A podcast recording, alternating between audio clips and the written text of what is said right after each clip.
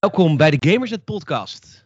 Welkom, welkom, welkom. De Gamersnet Podcast op de, in de week dat alles anders is geworden. Salem is uh, hier. Misschien gaat Tom straks nog inbellen. Uh, ik moet Tom maar even een appje sturen. Tom, uh, Skype gerust. Bel, gerust. bel gerust in als je kan. Op Skype. Saal, leuk dat je er bent. Yes, lekker man. Op afstand? Ja. Uh, het was de week dat de wereld uh, ja, veranderde. Ja, de, de, ik denk dat bijna, bijna niks meer wat we op dagelijkse basis doen is hetzelfde gebleven. Nee. nee, maar ook zelfs, ik zou je vertellen, zelfs eten niet. Ik, ik eet nou heel andere dingen, omdat heel veel van de dingen die ik wil kopen, die zijn er niet. Dus ik eet nee. hele andere. Wat, wat ik op zich wel vet vind ook. Heeft ook wel voordelen. Maar ja, mocht je zelf luisteren naar deze podcast en je woont in een dorp. Het schijnt dat uh, ja. in de provincie is, het, is, het, is er helemaal geen probleem met voorraden. Want daar zijn mensen gewoon normaal. Ja, maar hier griepie. ja, maar hier in de stad is het paniek. Dus um, ja, ja, hier uh, zijn de schappen leeg. Dus ik eet hele rare dingen. Ja, want ik zag ook zoiets van jou voorbij komen op, op Instagram, op de grams. Um, Peter GN, mocht je me willen volgen. Yes, ja, want uh, um, daar zag ik jou vanaf het account sa.haring. Ja, ja. Haring met CK. Met CK, ja, zeker. Um, zag ik jou wat zeggen, wat, wat je, nou, je had sowieso over de Appifer. Wat ik, dat was wel het toppuntje van mijn week dat ik dat las. ja, ja, jammer. Uh, die, uh, hij en ik noemen Albert Heijn al het Appifer. De Appifer. De Appifer. De nou. De. Weet je hoe we de co-op noemen? Uh, iets heel gays. Ik weet... Kojoop. uh, de Kojoop. Maar jullie laten gewoon ouderwetse Nederlandse winkels klinken als een soort nieuw hipsterproject in Rotterdam-Noord. Nou ja, nieuw heel... Ja, weet je hoe we de Lidl noemen? Oh god, nee. Lidl Lila. Lidl Lila. Fuck off. Ja, echt hoor. Holy shit. Ja, we zijn best wel flikker. Maar goed, daar zijn we nou eenmaal. de Lidl Lila. Nou, jij was bij de Appifer. Ja. Um, en je, je, je, had een filmpje gehaald, want je had allemaal andere, andere koekjes en dingetjes gehaald. Wat had je nou gehaald? Ja, ik had allemaal andere dingen gehad. Sorry, wat zei ik? was even mijn verwarming aan het zacht zetten, want het is zo bloedheet. Oh, nee, je had allemaal andere, andere dingetjes gehaald. Andere koekjes, andere shit. Ja, omdat het wat ik wilde hebben was op. Dus dan, uh, ja, normaal nemen we, nou, een klein kutvoorbeeld, eerste wereldprobleem, dat snap ik wel. Ja, maar ik eet graag kip cordon bleus. Vind ik lekker, eet ik één à twee ja. keer in de week. Ben ik gek op en die waren op. Dus ik heb een kip saté schnitzel gehaald. Was heel en lekker van de week op. Ja, ja maar ik wou zeggen, ja, maar op, lekker man. Dus het is gewoon uh, nieuwe dingen ontdekken. Mooi. Ja. Ja, en, en de grote winnaar van deze hele crisis is mijn kat. Die, is, die heb ik zelden zo gelukkig gezien, want die krijgt zoveel oh, aandacht. Ja. Ja, maar ook ja, de blokjes, het droogvoer is op. Er is geen droogvoer te krijgen. Uh, bij dat is goedkoper natuurlijk ook. Ja, en dat is voor lange termijn. Dus mijn kat krijgt, ik heb nog wel wat brokjes, dus die krijgt de ene dag brokjes, maar de andere mm. dag krijgt hij nu allemaal paté-selectiemeuk. Echt super, dat je denkt van dat, dat vreet ik niet eens. Hier zit godver konijn in. Doe even normaal. Ik kan nu niet konijn krijgen en mijn kat heeft fucking konijn. Ja, maar dat zijn toch ook van die patéetjes dat uh, altijd bij Klokhuis zo'n ding was van, nou ja, dit kan je als mens ook eten. Omdat het ja. eigenlijk gewoon fucking luxe shit is. Ja, maar zover, zover zijn we gelukkig nog niet, Saal. Nee. het, is goed, het, is goed, het is goed voor ja. Lenny om te weten dat hij misschien op een gegeven moment moet gaan delen. Ja, ja precies. Nou, dat, zou die, dat zou die zeker niet waarderen. Nee, dat is er één ding uh, wat ik over het boodschappen doe. Uh, ik, uh, ik zit in zelfquarantaine. Ik, vorige week zondag ging ik aan het werk in mijn restaurant. Restaurant Anders in Bodegraven. Daar werk ik twee avonden in de week. Omdat ik nou, zees kan verdienen, maar ook omdat ik het gewoon heel leuk vind. En ik zat om half zes in de auto. Want ik moet 35 minuutjes rijden naar Bodegraven. Ja, waarom? Nou, de restaurant van een vriend van me. Dus vandaar dat ik daar werk en niet in de buurt. Mm -hmm. En om half zes was de persconferentie dat om zes uur alle restaurants moesten sluiten. Dus ik kwam daar aan bij restaurant Anders. En ik, ja, ik zag natuurlijk alleen maar verslagen mensen. Ja. Um, dit was een schok, want er, moest, er waren ook al gasten, die hadden, ja, Hollanders, die hadden half zes, vijf uur gereserveerd. Er zaten ook al gasten, die moesten ook echt weg. Want Bizar. om, ja, maar dit is echt gebeurd, om kwart over zes hing de wethouder van Bodegraven aan de lijn. Holy shit. Ja, om te checken of wij wel in, uh, in lockdown gingen. Ja. ja ging wel, uh, eten verdeeld, want ja, dat wil je ook niet weggooien.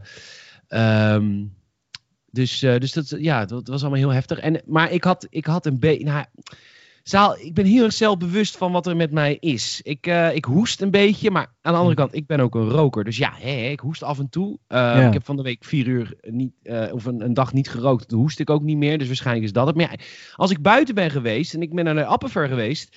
Zo fijn dat ik dat woord nu kan gebruiken.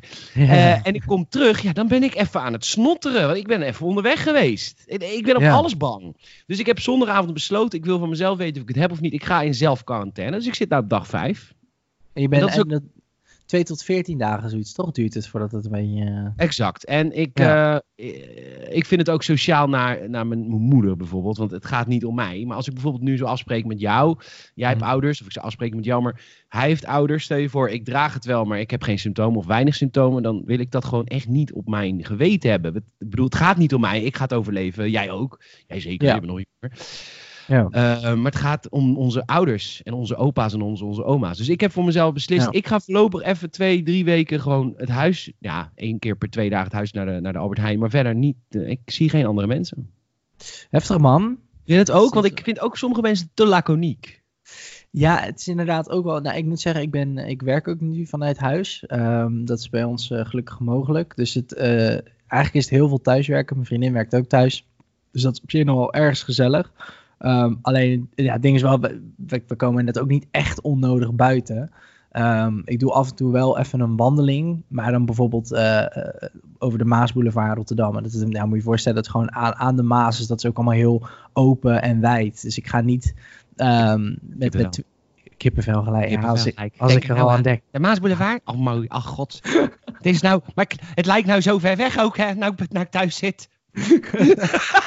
het is nou zo ver weg. Wacht, ik ga het even koekelen. Ik koekel even Maasboulevard. Och, wat mooi. Ach, ach de Euromast. De Euromas huilt. Want ik ben... wat is het toch vreselijk. Nou ja. Nee, goed. Zo, zo loop ik dus over de Maasboulevard. Ja. Um, tranen, tranen in mijn ogen, eh, nekharen overeind. Um, ik, ik, ja, ik zie ook uh, bij mij bijvoorbeeld in, ik, aan, mijn, aan mijn straat zit eigenlijk een andere straat waar gewoon heel veel uh, tentjes zitten. Dus uh, gewoon kleine bakkerijtjes, kleine supermarktjes, zeg maar echt local winkels. Um, en ja, daar zie ik ook al zoveel voorraad. Die hebben en heel veel voorraad. Maar wat ik ook gewoon zie is dat in die straat, het zijn, zeg maar, het zijn eigenlijk een winkelstraat met aan weerszijden winkels en daarboven woningen. Maar die straat die leeft gewoon echt nog helemaal. De, de, is in, de, in het centrum van de stad is het super leeg en super dood. En heel veel mensen blijven ook binnen. Maar die mensen, ja, hun dag tot dag leven stopt niet. Dat vond ik zo bizar om te zien. Gewoon alsnog met z'n allen, met weet ik veel, met 10, 15 mensen tegelijk in een bakkerij staan. Weet je wel? Dat je denkt, ja, wat de fuck doe je? het hele idee is dat je iets voorzichtiger doet. Maar jullie doen helemaal niks. Dat, ja, dat viel me op. Nee, ja, goed. En nogmaals, je doet het niet voor jezelf, maar voor je, voor je papa en mama en opa en oma. Oké, ja, dat, nou, dat, dat, inderdaad, dat viel mij ook op. Bij mij dan dus in de straat, maar ook überhaupt buiten. Is de meeste mensen die je ziet, uh, zijn echt ook wel op leeftijd. Je ziet, en misschien, ik denk ook wel dat het deels komt dat ja, die mensen misschien ook, uh, nou, als je echt bejaard bent, snap ik het niet zo goed. Want ja, met, met alle respect, maar veel van die mensen zitten ook in een levensfase waar je überhaupt heel veel binnen zit. Dus dan zou je zeggen, zo ontzettend veel verandert er niet. Maar ik denk inderdaad wat je zegt, mensen. Nou ja, je kleinkinderen komen niet meer op bezoek. Dat is wel heftig hoor ja, dat, dat inderdaad. Die, dat stukje eenzaamheid, denk dat, dat je toch elkaar opzoekt. Um, maar anderzijds, ik zie ook heel veel mensen van wat jij zegt, ook op middelbare leeftijd, dus zeg maar 50 tot 70 inderdaad, zoiets, uh, eh, 40 tot 70, um, die wel gewoon nog buiten zijn, omdat, ja, ik denk ook gewoon misschien dat of sommigen van hen uh, niet thuis kunnen werken, omdat, ja, gewoon je moet er toch wel enigszins wat technische kennis voor hebben. Geloof het of niet. Uh, als jij gewoon precies weet hoe de computer op werk aan moet. Als je een beetje in een conservatief oud bedrijf werkt. waar ze ook helemaal niks aan laptops of iets beschikbaar hebben. Ja, dan, ga je toch maar ergens naartoe. Uh, ja, en ik weet niet. Ik vind, ik vind dat toch zo vreemd. Dat ik denk, ja, je kan mensen moeilijk verplichten, I guess. Maar ja, je hebt zoveel bewijs om je heen in andere landen hoe fucked up het gaat. En, en dan nog ga je het in je hoofd zitten nuanceren tot iets van, ja, het valt allemaal wel mee, ik kan best naar buiten. Dat je denkt, ja, maar dat is precies de mindset die Italië in, in deze staat heeft gekregen. Dus hoe, hoe ja, bizar.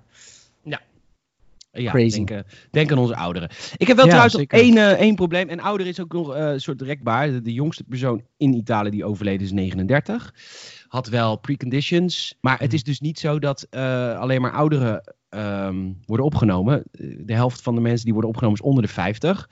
Ja. Die overleven het allemaal wel. Maar je zit, als je tegen zit, vier weken aan de beademing. En dat is echt niet cool. Dan, dan, dan gaan ze je dus in slaap brengen. Dit is dus geen grapje, Ze brengen je in slaap. Ja. Dat kan tot vier weken duren. En ze zeggen eigenlijk, oké, we brengen je nu in slaap. Of je wakker wordt. Hmm.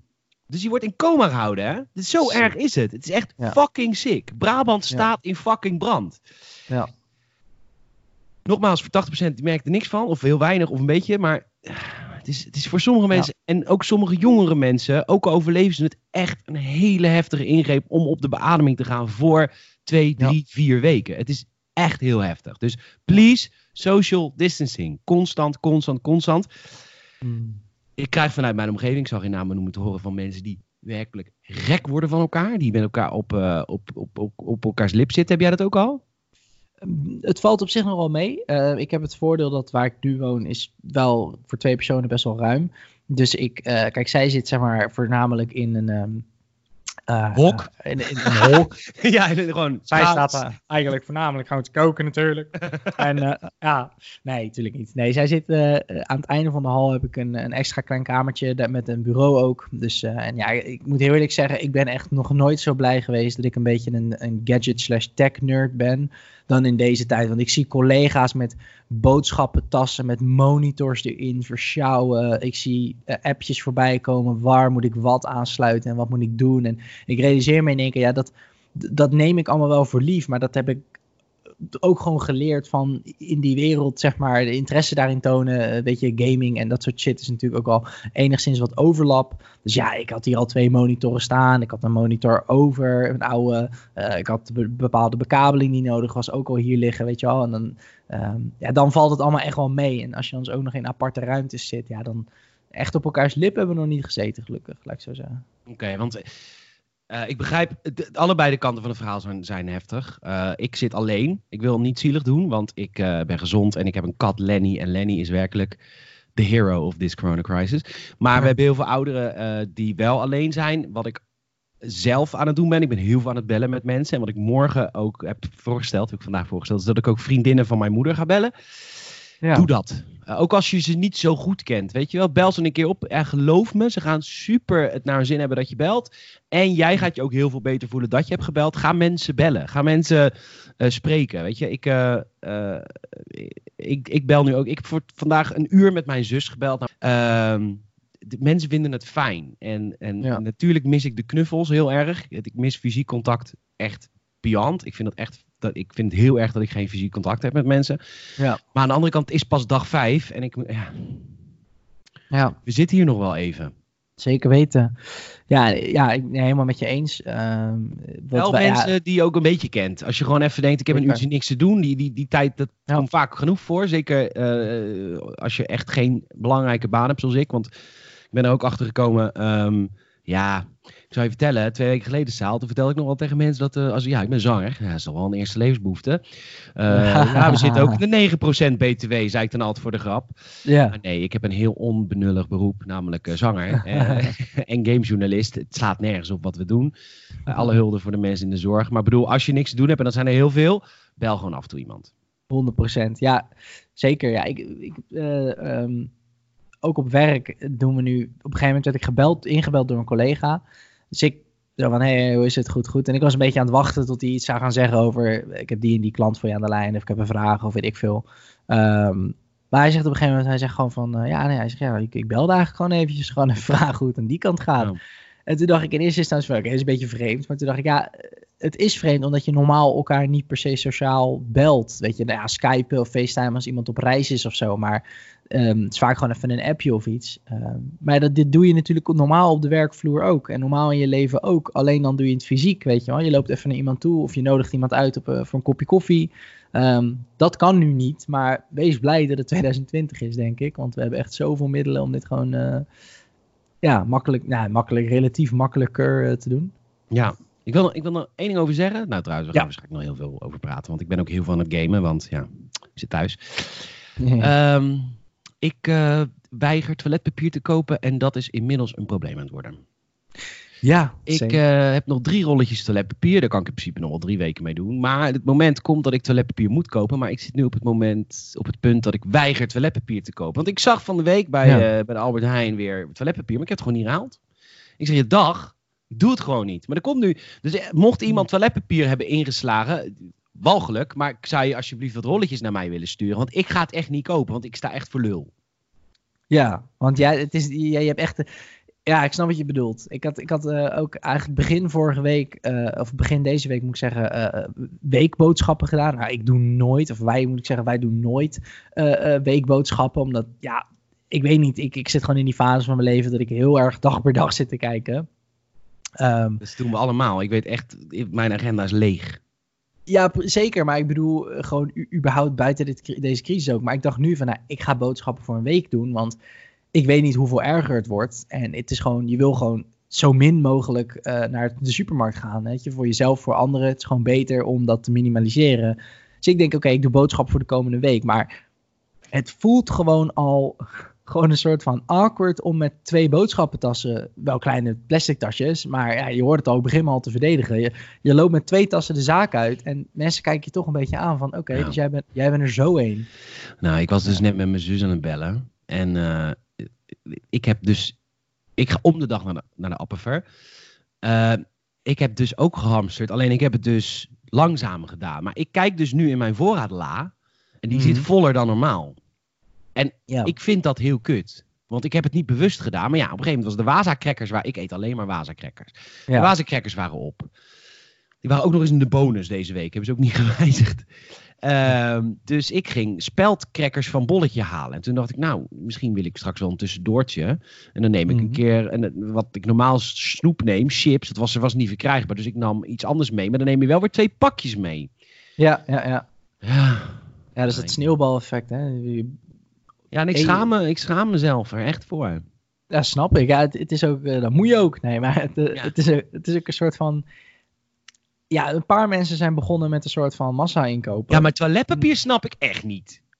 Ja, ik- lang houdbaar en eh, ja, ik weet, ik, inderdaad, ik moet, het is trouwens niet alleen toiletpapier, het is ook wel pasta en, en, en dat soort dingen. Nee, maar, maar dat snap ik eerder. Maar toiletpapier, die Ja. run op toiletpapier. Hoe veeg jij je reet af. Saal?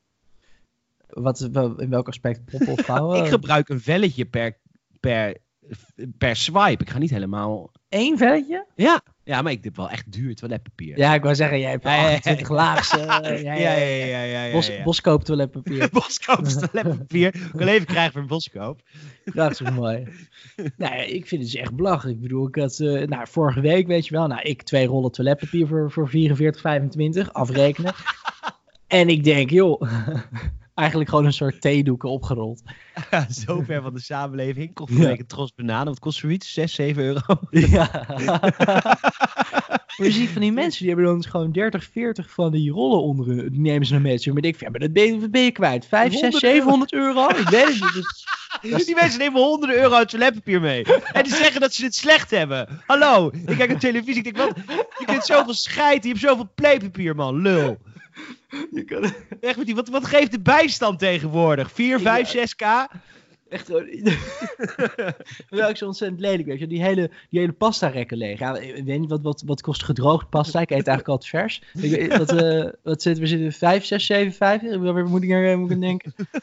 Nee, dit- nee, maar dat... ehm, ik weet niet eens precies waar we het over hadden. Maar ja, Nee, inderdaad, je, voelt je gewoon, eh, je voelt je gewoon bekeken en eh, Ja. een beetje vies. Als je, maar ja, je, je bedoelt... Ja, ik wou bijna mensen laten zien, nee, er zit echt geen toiletpapier in. Ook ik veeg mijn hol gewoon af met mijn blote kalauwen. Want zo Ja. het in de crisistijd.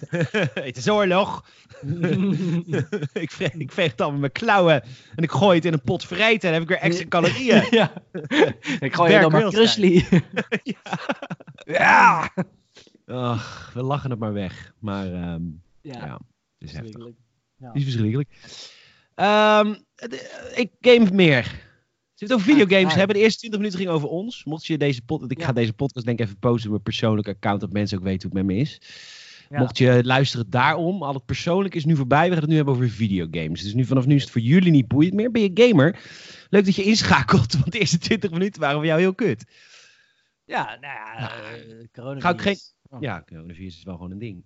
Ja. Eh, ik game meer, jij ook? 100%, 100%. Ik, eh, Ehm, ben full ham op de Battle Royale van Call of Duty. Um, dus gewoon... Heb je al gespeeld toevallig? Nee, ik heb hem geïnstalleerd. Je hebt hem geïnstalleerd, nice. Ja, ik, heb, ik speel nu ook met een maat van me op PlayStation, want dit was eigenlijk... Um, ja, ik, ik praat... Eigenlijk helemaal gratis. Even voor de duidelijkheid, de Battle Royale ja, van de nieuwe Call of Duty is gratis. Voor iedereen gratis te downloaden ja, want die, die, die, maat van mij ook, hij is helemaal geen Call of Duty speler. Hij speelt ook op PlayStation. Dus ik praat heel veel over games met hem. En we hebben het altijd over games. Maar we hebben nooit echt samen gegamed door, nou ja, console over bridge. En toen ik hoorde, nou, Call of Duty was cross-platform, super chill. Maar hij houdt niet van Call of Duty. Hij is Battlefield-speler, oké, prima. Um, maar toen kwam dit natuurlijk. Iets hoger IQ. Prima. Hij heeft, hij heeft een, hij, is, hij, is, hij is 13 en een half klas mij. Uh, um, um, nee, maar hij, uh, hij heeft uh, um, deze natuurlijk wel, want het schaatsen heeft hij gewoon geïnstalleerd. en dat spelen wij nu dus crossplay samen. En dat, ja, dat is zo vet om dan om, gewoon eigenlijk een soort, weet niet, het einde van de apartheid op de consoles is. is, ja, is je gewoon met een Xbox vriendje kan gamen. Ja, ja leuk. Het is wel het enige kutte is dat ja, daar moet je echt aan wennen. Het is ik zeker. Is als jij altijd in een Xbox party zit, dan ben je heel erg gewend dat voice chat gaat over het OS van Xbox. Dus ik kan doen en laten wat ik wil. Maar soms dan moet ik bijvoorbeeld even iets veranderen in mijn instellingen van mijn Xbox. Dan ga ik uit de game. En dan is zijn stem natuurlijk ook weg. Omdat dat niet op de achtergrond doorgaat. Oh, ja, ja, Dus dat is wel even zo'n soort mindfuck. Maar ja, buiten dat is zo'n fucking vette... Uh, Mijn vrienden WhatsApp callen. Omdat ik de, de voice-over op, op PlayStation zo ranzig vind. Het klinkt zo kut. Wij ja? gewoon beslist, wij doen gewoon WhatsApp bellen. Ja, kan ook. Alleen ik, ik, ja, ik ben dan, we zijn dan toch soms wel een beetje tryhard MLG, dat we ook wel echt het gamegeluid willen horen. Ja, dat hoor ik dan toch ook op, vanuit, mijn, vanuit mijn Sonos. Ja, maar dat uh, beter, dat is, uh, ik moet een headset oh op. God. Ik moet kunnen luisteren, stereo. Dan ben je kut. Ik zeg ook tegen de jongens, stil eens, stil eens, stil eens. Ik hoor iets, weet je Dan gaan we z'n allen luisteren als een groep hyena's, als een groep cheetahs in het wild. Ik snap dat het coronavirus voor jou niks wijzigt, want je hebt al geen vrienden. Nee. Sukkel. Je bent al helemaal alleen. Ja, ben je kut. Ja. ja. Mm. Maar goed, prima. Ga verder. Is het leuk, Battle Royale? Hoeveel mensen doen er mee in één map? Want het is um, dus net als Fortnite. Uh, hoeveel mensen? Het is 150 man. En één iemand moet overleven. Of één groep. Ja, één groep van drie. Dus je hebt groepen van drie. Je hebt nu ook solo's. Nou, dat is natuurlijk alleen. Groepen van drie spreekt voor zich. Um, ja, wat mooi is aan deze Battle Royale, of een aantal dingen. Kijk, Battle Royale is natuurlijk, uh, PUBG is echt, uh, zeg maar, de lees naturel van de Battle Royale. Dat is het meest bare bones wat het is. Fortnite voegde daar het bouwen van huisjes aan toe. En Apex geeft het een beetje... Kinderen. Die, en schreeuwende kinderen. Ja. En Apex geeft het een beetje de uh, soort van Overwatch, Hero, Special Ability types en schreeuwende kinderen. En Call of Duty doet natuurlijk op haar manier iets nieuws in Battle Royale, want anders is het saai. Um, nou, een aantal dingen die best wel groundbreaking nieuw zijn, is dat op het moment dat jij de eerste keer doodgaat, uh, dan ga je naar de Gulag. Dat is een, uh, een Russische gevangenis. Hele, hele kleine map. En dan moet je 1v1 tegen iemand spelen. Um, en als je dan wint, dan mag je weer één keer terug. Dus je hebt een soort tweede kans, maar die moet je ook ja. nog eens verdienen. Dus dat is best wel vet. Um, en het kan op het laatste deel van de map niet, hè? Als er nog maar een paar mensen over zijn, kan het niet. Klopt, nee. Zodra er minder dan 30 man is, zoiets, volgens mij, dan gaat dat uit. Ja. Um, wat ook, het tweede puntje wat heel vet is aan die gulag, is dat als jij, stel, dat heb je natuurlijk heel vaak, um, je wordt, je, jouw squad wordt geflankt en jij en je maat gaan eigenlijk heel kort naar elkaar dood. Dus de kans heel groot dat je in elkaar soort van server zit voor de gulag, zo gezegd. En als dan mijn maat bijvoorbeeld aan de beurt is, dan blijf ik boven staan. En dan kan ik als het ware zo vanaf een soort tralies balkon over de map kijken en ook met hem communiceren van, oh, hij gaat via links, hij gaat via rechts, hij loopt nu over het midden, hij is achter je, weet je. Dus dan kan je een beetje soort van coachen hoe die moet lopen om zijn tegenstander het slim af te zijn. Tof. Um, het loont ook om te blijven hangen. Ja, precies. Het is echt fucking vet. Dus het loont inderdaad ook echt om mee te kijken met de 1v1 van je squadmate. Um, en een ander uh, super tof ding, er zit natuurlijk vehicles in, dat had Battlefield ook al een beetje, maar dat, ja, dat is gewoon, ja, zoals in Ground War, jeepjes, wat heli's, het, is allemaal super arcade qua besturing, maar het werkt. Um, uh, en een, ander ding wat mij wel opviel, wat ik heel tof vond, is uh, je hebt loadout drops. Die kan je kopen, maar die kan je ook uh, gewoon uh, vinden. Uh, en als je daar die doos opent, dan kun je een van je custom loadouts uit de reguliere multiplayer kiezen. Ja, dat klinkt een beetje als pay to win. Want daar kun je toch ook ja. wel echt geld tegenaan gooien? Uh, nee, je kan er geen echt geld tegenaan gooien, want dat gaat per match natuurlijk. Ah, oké. Okay. Uh, uh, dus, dus dat moet je echt kopen met geld wat je vindt in de map. geld vind je random plekken waar loot ligt, ligt soms ook geld. En als je mensen neerschiet, dan kan je hun geld pakken. Ja. Um, maar goed, die, die, die loadout drops, ik dacht eerst inderdaad ook, kijk, je hebt wel een voordeel als je de normale multiplayer kan spelen. Met de simpele reden um, dat, kijk, een maat van mij. En uh, wacht even voor de mensen die niet weten: de normale multiplayer zit in de game die je wel moet kopen. Precies, ja. dus dat, is zeg maar, het betaalde deel. Ja, en dat geeft voordeel om de volgende reden. Uh, kijk, die vriend van mij die het spel dus niet heeft, um, die heeft bijvoorbeeld de AX50, dat is een bolt action sniper rifle. Die, dat wapen levelt hij enkel als hij hem vindt in Battle Royale. Wat natuurlijk lang niet zo consistent is als wanneer ik de reguliere betaalde multiplayer speel. Gewoon die sniper in mijn class zet en dat ding flink ga zitten levelen, zodat ik alle attachments heel makkelijk unlock. Um, dus dat is het nadeel wat je hebt als je zeg maar niet het spel gekocht hebt en geen toegang hebt tot uh, no ja, normale multiplayer. Um, dus ja, zeker als je dat goed doet. Ik, heb, ja, ik, ik ga, doe er gewoon keihard aan mee. Ik heb een uh, super vette class. Je kan de perk er ook op zetten dat je twee primaries hebt. Dus heb je gewoon, kun je een assault rifle die je hebt uitgespeeld, zo gezegd, helemaal pimpen met alle gadgets en, en attachments. En je sniper idem. En dan heb je gewoon een vette assault rifle plus een, uh, een, uh, een sniper. en je ah, hebt... Sorry, ja. Nee, ik wou nog één ding zeggen. Sorry, ja, dat is, ja, dat was dat je ook nog perks krijgt. En die vind je niet op de map. Dus perks als uh, dat je sneller kan rennen, dat je sneller kan uh, wapen wisselen. Dat soort dus als je de game gekocht hebt, heb je daadwerkelijk voordeel. Flink voordeel, ja, ja zeker wel. Duidelijk. Is het leuk? Is het uh, echt vet? Is het spannend? Kun je verstoppen in toilethokjes, wat ik altijd in PlayerUnknown's Battlegrounds deed, wat ik heel tof vond? Hm. Ja, uh, 100% man. Want het vette vind ik aan deze map is dat hij is heel groot. Maar uh, dat is natuurlijk het voordeel als jij Call of Duty bent. Eigenlijk is deze map gewoon een hele grote uh, samensmelting van zowel bestaande multiplayer maps als bepaalde gebieden uit de campaign. Um, dus, dus het, is, ja, het, is, het is niet super obvious, maar ja, ze zijn natuurlijk gewoon briljant in het maken van maps. En ze hebben ook gewoon heel veel, denk ik, heel veel levels over die ze gewoon nooit gebruikt hebben. Die ze hier ook in hebben gestopt. Dus de map is heel vol. Uh, je hebt havens met heel veel containertjes waar je in kan zitten. Uh, je hebt een heel stadion uh, waar je omheen kan lopen en op kan staan. Heel veel gebouwen met meerdere verdiepingen waar je je kan verstoppen. Dus ja, wat dat betreft is het echt heel sandbox en heel open. Leuk. Is het mooi? Ja. Laatste, kort antwoord. nee. Oké, okay. goed. Tafels lelijke game. Um, ja. is dat het enige wat je gamet? Of zal ik er nu één doen? Want ik heb het idee dat we heel veel gamen. Ja, ga je dus even afwisselen. Tuurlijk, tuurlijk. mijn uh, grote maatjes uh, Lars en Leon mm -hmm. zijn mijn vrienden van de hogeschool in die tijd. Hè, dus echt praat je nog over toen corona nog eigenlijk niet bestond. En wij we hebben vroeger online gegamed, maar dat is een beetje verwaterd. Want ja, Leon heeft inmiddels ja. kinderen, Lars een succesvol bedrijf. Nou, dat, dat is, ja, we zitten nu thuis. Ja. Uh, wat leert Lars natuurlijk een creatief beroep, net als ik. Dus gewoon nutteloos werk wat wij doen. Dus we doen nu helemaal niks. Ja. Dus wij hebben elkaar geappt, we moeten weer, uh, we moeten weer gaan gamen. Toen hebben we een game opgezocht die niet te duur was. Want ja, hey, we weten niet uh, wanneer ons basisinkomen komt. Ja. En, en, maar wat we wel alle drie leuk vonden, toen hebben we voor Trials Fusion gekozen. Dit, dat is nu ah, een aanbieding bij, bij de, de, PlayStation Store voor 7 euro. Nice. We hebben alle drie gekocht. Wat is dat een leuke game in online multiplayer? Oh ja, wat, maar dan moet je racen, denk ik, toch? Ja, je hebt, iedereen kent Trials wel. Hè? Vroeger was het een uh, browsergame op spelen.nl. Ja. Nou, diezelfde, diezelfde ontwikkelaars overgenomen door Ubisoft. En hebben inmiddels een aantal um, games gemaakt voor de PC, PlayStation 4 en Xbox One. Uh, wij spelen het op de PS4. En inderdaad, Trials is het balanceren met je motor. Maar tegenwoordig zitten er dus ook multiplayer races in. En dan ben je zeg maar, dan zie je elkaar in de diepte. Snap je? Dus oh, maximaal, ja, ja. Uh, zo, echt op maximaal acht spelers.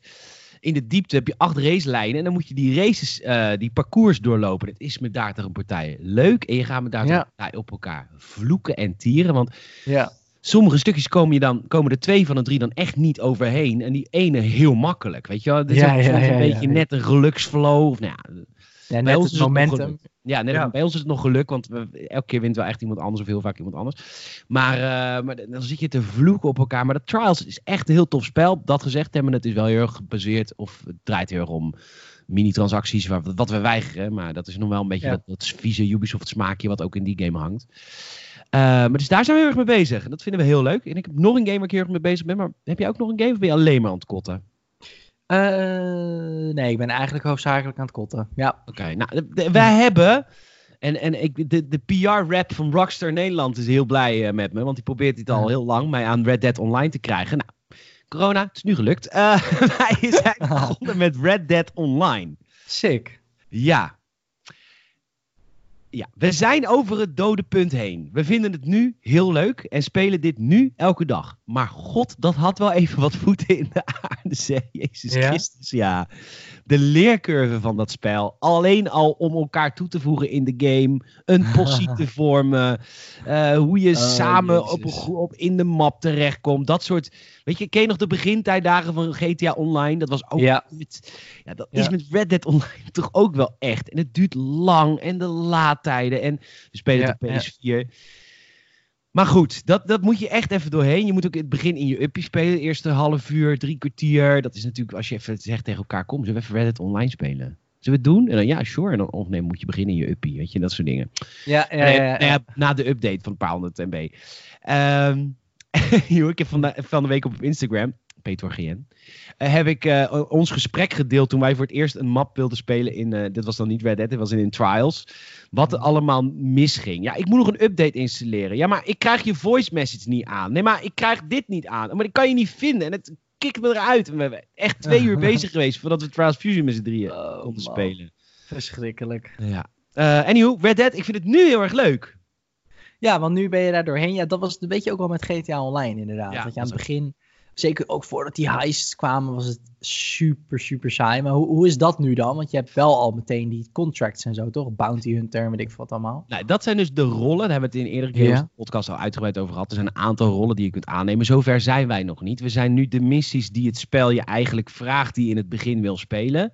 Oh ja. Die zijn we nu aan het spelen. Dat zijn een aantal missies. Echt wel met storylines en met, uh, met cutscenes. Dat is echt wel tof. En dan moet je een aantal wanted mensen vinden. Niet, nog niet als de rol Bounty Hunter, maar gewoon om het spel te introduceren. Dat zijn er geloof ik vijf. We hebben inmiddels ook een possie gevormd. Ja, je kan dus een possie vormen in de game tijdelijk. Jij en ik, als wij nu gaan. Dat is gratis. Maar je kunt ook een vaste possie vormen. Wat heel cool is. Maar dat kost dus 200 dollar. Nou, dat is, je verdient niks in dat hele spel. Weet je, als je iemand neerschiet in je loot, dan krijg je 6 cent. Dus het duurde ook ah, even voordat ik die 200 dollar had.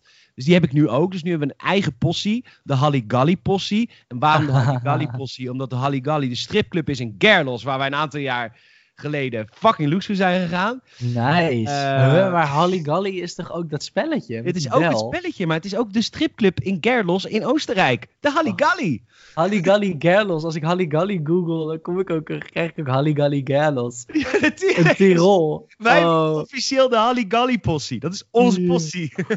Halligalli. Ja, zeker. Ja, zeker. Oh. Geil. Ganz geil Halligalli. Ja. Dus die possie hebben we nu. Dan heb je ook een eigen kamp. Dat is best wel tof. Je hebt je eigen kampement. Ja. Dat is wel leuk. Um, dus we vinden het nu heel leuk. Dus we zijn er nu echt doorheen gebroken en gaan, we gaan straks weer. We hebben afgesproken dat we half tien weer uh, lekker verder gaan. Lekker man. Ja, maar ik heb nog steeds. Ik, ik heb bijvoorbeeld ben nog nakend. Ik heb geen shirt, maar ik kan nog geen shirt kopen. Want ik had alles gespaard om die postie te kunnen starten. Dus ik heb nu nog 2 dollar. Kun je geen shirt verkopen? Nee. Dus ja, dat is het, je loopt wel elke keer daar tegenaan. Maar goed, dat is natuurlijk ook een verdienmodel, snap ik ook wel. We hebben het wel naar ons zin nu. Gelukkig, oké. Okay, dus de game is minder mooi online, maar nog steeds hebben we af en toe zoiets van tering. Wat is dit even mooi.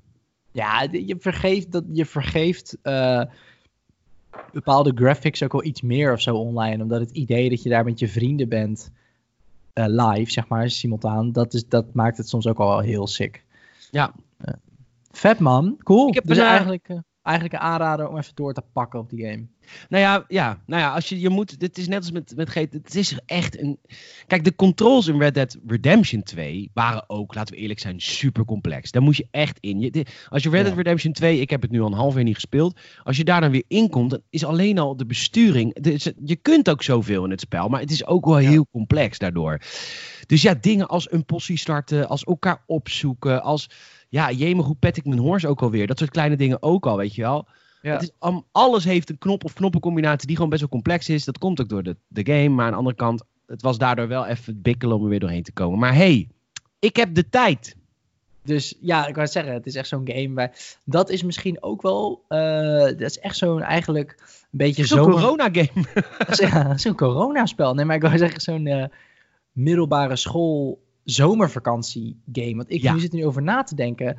Ik denk nu, als GTA Online nu uit was gekomen, dan had ik het veel moeilijker gevonden om erin te komen, denk ik. Maar GTA Online is voor mij echt toen pas echt gaan leven, omdat die game kwam en vlak voor de kerstvakantie, in september. En in de kerstvakantie denk ik dat we, dat we helemaal los zijn gegaan erin. Ik weet niet meer zo goed, maar in ieder geval inderdaad een periode met heel veel vrije tijd, dan bijt je je er een soort van doorheen. Ja, en zeker met vrienden, want, uh, want heel eerlijk, Lars, Leon en ik gingen vroeger elke week naar de pub hier. Uh, dat is, dat is, we, zijn, we, we houden nog steeds heel van elkaar, maar dat is wel een beetje verwaterd.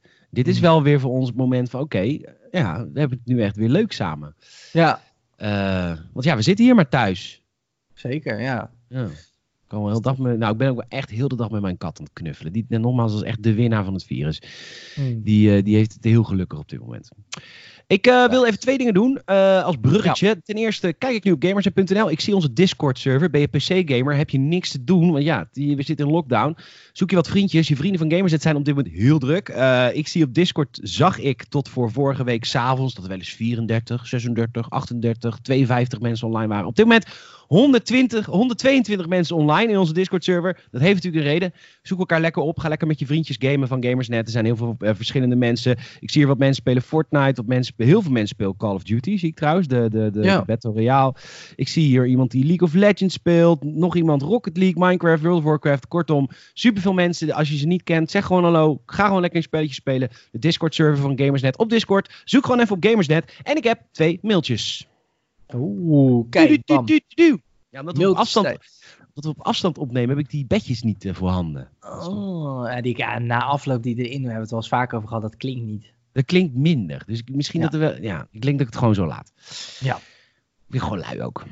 Uh, ik heb de eerste mail, die, dat is een beetje een lullige, lullige periode dat hij mailde. Hij mailde namelijk net voor de launch van de afgelopen episode, maar net nadat we dat hadden opgenomen. Dus dat is altijd een beetje lastig. Ah. Ja, ja, ja, ja. Lars heet deze boyo.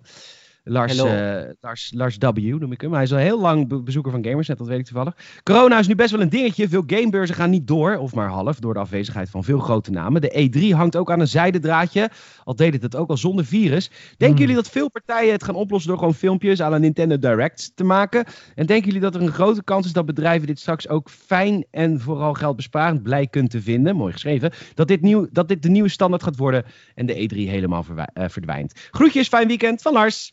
Fijn weekend, Lars. Ja, inmiddels is de E3 dus afgelast. Dat, dit was dus daarvoor gestuurd. Ja, ja.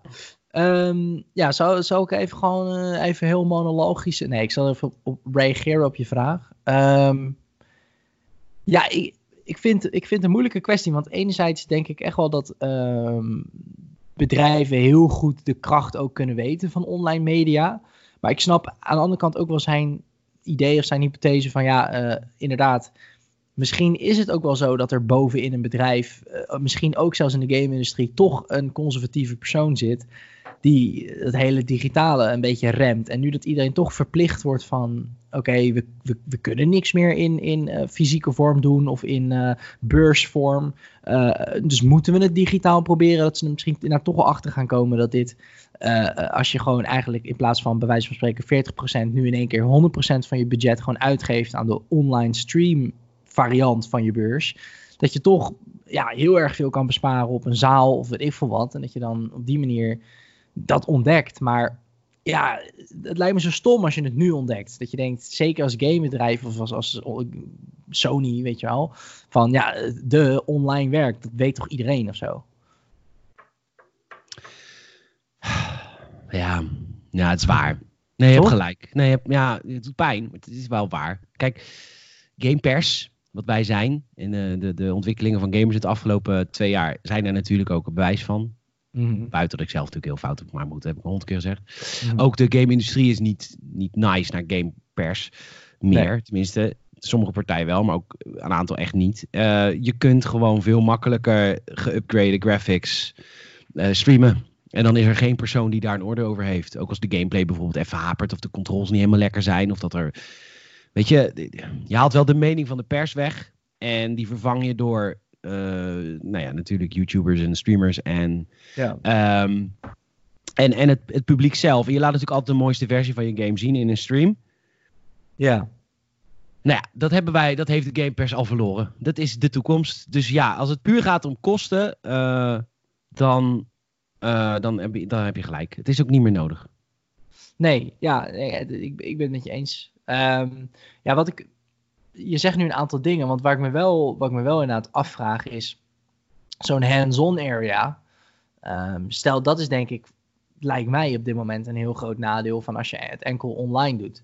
Um, nou is natuurlijk sowieso, naar mijn weten, bij bijvoorbeeld de E3 uh, niet echt. Uh, is niet echt een, een publieksbeurs, toch? Is het goed begrepen? Nee, nee oké. Okay, de E3, de grootste game, of de belangrijkste gamebeurs van, uh, van de industrie. Elk jaar in juni in Los Angeles. Gamersnet is daar tien keer geweest. Negen keer geweest. Het was met tiende keer geweest.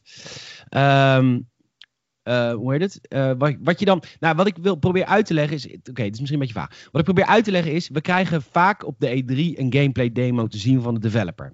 Die gameplay demo wordt gemaakt voor de E3. En wat doet die gameplay demo? Die laat alle tofste momenten die je maar kan bedenken zien. En er wordt precies op het juiste moment ergens naartoe gedraaid om dat te zien, om dat te zien, et cetera, et cetera. Dus het is heel erg. Bijna een film. Het is bijna een film die door een regisseur, namelijk PR-mensen, wordt gemaakt en dan wordt geprojecteerd aan mensen die dat zien. En die mensen zien op dat moment ook de beste mogelijke manier van de game. En dat is prima, want wij krijgen die presentatie vaak ook op de E3. Maar daarna, 9 van de 10 keer zeggen die developers, in een, uh, toen dat nog gebeurde, toen zeggen ze: Oké, we gaan het nu zelf maar proberen. En dan komen er dus kritische geluiden. En dat vinden ze niet leuk. En dat snap ik. Want, maar wij hebben nou eenmaal niet. Wij weten niet dat je op dat moment precies naar rechts moet draaien om dat te zien. Wij weten niet dat je op dat moment precies dat moet doen om dat te laten gebeuren. Want we zijn gewoon players op dat moment. Gewoon gamers. Dus, wij, dus er komt dan een soort van tweede check op de ideale wereld die de, die de developer op dat moment laat zien. Die tweede check is soms zijn we lyrisch. De laatste E3 waar ik was, bijvoorbeeld Resident Evil 2, waar, daar was ik, nou, ik wist, gewoon, ik wist gewoon bijna niet wat ik moest zeggen, zo vet als die remake is.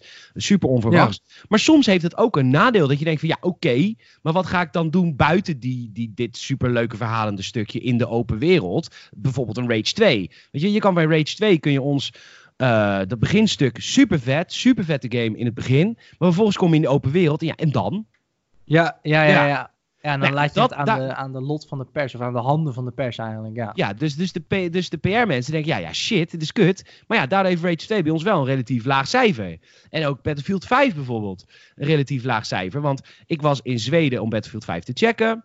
Mm -hmm. uh, vette preview gemaakt, maar vervolgens kreeg ik meer tijd om die game te spelen. Ja, dan kom je achter dingen van, oké, okay, maar is het wel zo vet? Of is het echt alleen maar die paar momentjes? En hoe lang is die singleplayer campagne? Dat soort shit. Ja. Dat wordt op Lars' vraag te beantwoorden. Ja, dat wordt er dus nu uitgehaald. En ja, dat kan ook. Maar het is aan de andere kant ook. Ja, wordt, ja vind ik die extra check. Maar goed, ik, ik snap ook dat ik voor mijn eigen choir preach. Want ja, het is mijn livelihood. Ja. Ja, lastig. lastig ja, ik koop geen game voordat ik een review heb gelezen. Laat ik het zo zeggen. Want ik maar, maar, teruggesteld raken hoe zit, dat, hoe zit dat dan voor influencers? Want kijk, ik begrijp, een YouTube-filmpje is natuurlijk anders. Daar kan ook heel veel aan geregisseerd worden. Maar influencers worden ook uitgenodigd voor hands-on areas. En die kunnen ook kijken waar ze willen. Maar, ja, ja die kan je wel wat vertellen over het verschil daartussen? Ik betaal mijn eigen ticket naar E3. En ik koop mijn eigen hotel ja, E3. Nee, dat doen die influencers niet, kan ik jou vertellen. Dat is wel... Nee, dat is waar. Ja, en misschien ook, wat ik ook zit te bedenken is... wij uh, recenseren natuurlijk ook actief games in principe een, een, een, influencer, een YouTuber die gamet, die speelt gewoon games. En die laat dat zien als een streamer bijvoorbeeld. Maar die geeft niet een recensie van een game. Dus die speelt het. En als hij dan niet enthousiast is, ja, ja, dan zegt hij dat misschien van ja, ik heb hands-on gehad, was wel leuk. Maar hij zal nooit... Maar als, de, maar als hij het voor anderhalf duizend euro krijgt, is hij dan nog, min, nog steeds bleh? Ja, dat is het probleem. Kijk, in principe, hè, dat, dat is het hele ding wat ik, wat ik altijd daarvan vind. Is van, ja, enerzijds zeggen ze natuurlijk, hè, ja, we worden misschien betaald, maar uh, onze mening wordt niet gekocht. En ik, ik geloof ook echt wel dat je mening niet wordt gekocht. Maar als jij weet dat je eigenlijk van bijvoorbeeld IE elke E3 de ticket vergoed krijgt, dan ga je er toch ook een beetje vanuit, of daar, ja, daar, daar moet je dan toch een beetje op bouwen. Zo van, oké, ja, mijn, mijn ticket naar E3 jaarlijks is gecoverd door IE. En als ik Battlefield 5 dit jaar afkaffer, dan kan ik Bad Company 3 zometeen niet twee, drie maanden in advance spelen. Uh, en wat ik ook wel denk voor die influencers, en dat, dat, want ik wil ze niet helemaal zwart maken. Het is natuurlijk ook een beetje zo van ja, als ik nu Battlefield afzeik en ik krijg niet, ik weet niet of EA dit doet, hè, full disclosure, maar stel, Ehm, dan krijg ik volgend jaar misschien niet mijn ticket naar E3 vergoed om Bad Company 3 te bekijken voor de PlayStation 5. En uh, alle andere YouTubers wel. Dus waar gaan Ja. alle views dan heen? Die gaan Ja. naar de gasten die het hebben laten zien. En ik kan dan niks laten zien. Ja, dat, ja, oké. Nee, dat is ook waarom ik na mijn eh, Assassin's Creed Unity de meest eh, debatable review op gamersnet.nl heb beslist om geen games Ja. meer te reviewen waar wij dikke advertenties mee draaien. Eh, Nee, nee, omdat ik daar zelf, ik ben daar zelf schuldig aan geweest. Dus ik, ik Ja. weet hoe dit is. Het is lastig, weet je wel? Het is gewoon moeilijk. Dat als je, nou ja, goed. Maar goed, dat is dus allemaal geen probleem meer. Want inderdaad, de E3 komt niet terug. Kan ik je alvast voorspellen, Lars. Eh, inderdaad, elke publisher gaat nu gewoon dat soort filmpjes posten. Dus nee, dat is de toekomst. Met de kanttekening dat ik wil jullie wel op het hart drukken. Ik koop geen games voordat ik een review heb gezien. Boom. Ja, eens. En een review van een website. En dat hoeft niet eens gamersnet.nl te zijn. Mag Power Limited zijn. Mag eh PSX Sense zijn. Maakt me allemaal geen reet uit. Maar check een paar reviews voordat je een game koopt. Want die kids doen het niet. Die kopen allemaal blind op wat hun favoriete YouTubers zeggen. Laat ons, Ja. iets volwassenere gamer, want dat zijn we, want anders luister je geen podcast. In ieder geval een paar eh, reviews kijken bij een paar websites voordat je een game koopt. Want dat is volgens mij wat we moeten doen. En nogmaals, of je dat bij de Game Kings doet of bij, bij, bij IGN, het interesseert me niet. Doe het ergens. Zo, dat was Lars' mail. Kort antwoord. Eh, oh, dit was gewoon eh, Boris. Boris van Game Kings. Nee. Het zou wel vet zijn. Trouwe leuk. volger van Gamersnet hier. Eh, er was een, een bugje op onze Gamersnet website. Oké, die is volgens mij ver- verholpen. Want ik zag die bug niet meer. Ik kreeg ook opeens allemaal pagina's van Ziggo geladen. Wat gewoon helemaal niet echt was van onze website. Maar dat zie ik nu niet meer gebeuren al een paar dagen. Beter. Hij zegt, eh, keep rocking with the podcasts. Ik ben een groot fan. Stay safe, corona. Dankjewel, Boris. Thanks, Love Boris. you too. We gaan naar het eh, nieuws van deze week. Zullen we even een bedje doen? We doen even een bedje. Gamersnet nieuws. Nice, goed gedaan. Ehm, er is deze week toch wel wat gebeurd in de wondere wereld der games. Buiten dat we, dat er games, dat we bezig zijn met reviews van games als Animal Crossing New Horizon en Doom Eternal. eh, is er nou, we hebben hier niet eens een nieuwtje over geschreven, omdat het, we wisten gewoon niet zo goed wat we hiermee moesten doen. Wij, Salem en ik hebben deze week, en de redactie van Gamersnet, want de meeste mensen hebben die volgens mij eh, gezien, de saaiste podcast, of de saaiste presentatie in games ooit gezien. Het is, ik durf te wageren dat deze valt onder een van de saaiste presentaties überhaupt. Die we ooit hebben gezien. Wat, wat Ja. gebeurde er? Ja, ehm, nou, er was een, eh, een, eh, een, eh, developer conference, Gamers Developer Conference zou één deze, ik zou de precieze datum niet weten, maar die soort binnen afzienbare tijd zou die gehouden worden. Nou, door het hashtag eh, the name that shall not be named, eh, ehm, eh, was dat natuurlijk uitgesteld of in ieder geval afgelast zelfs in dit geval. En Sony dacht, nou, die ruimte op die conferentie wilden wij eigenlijk gebruiken om, lijkt mij, een beknopt verhaaltje te vertellen over de specificaties van de PlayStation 5. Uh, ik denk dat mede door uh, uh, het virus um, de PlayStation 5 ook is uitgesteld.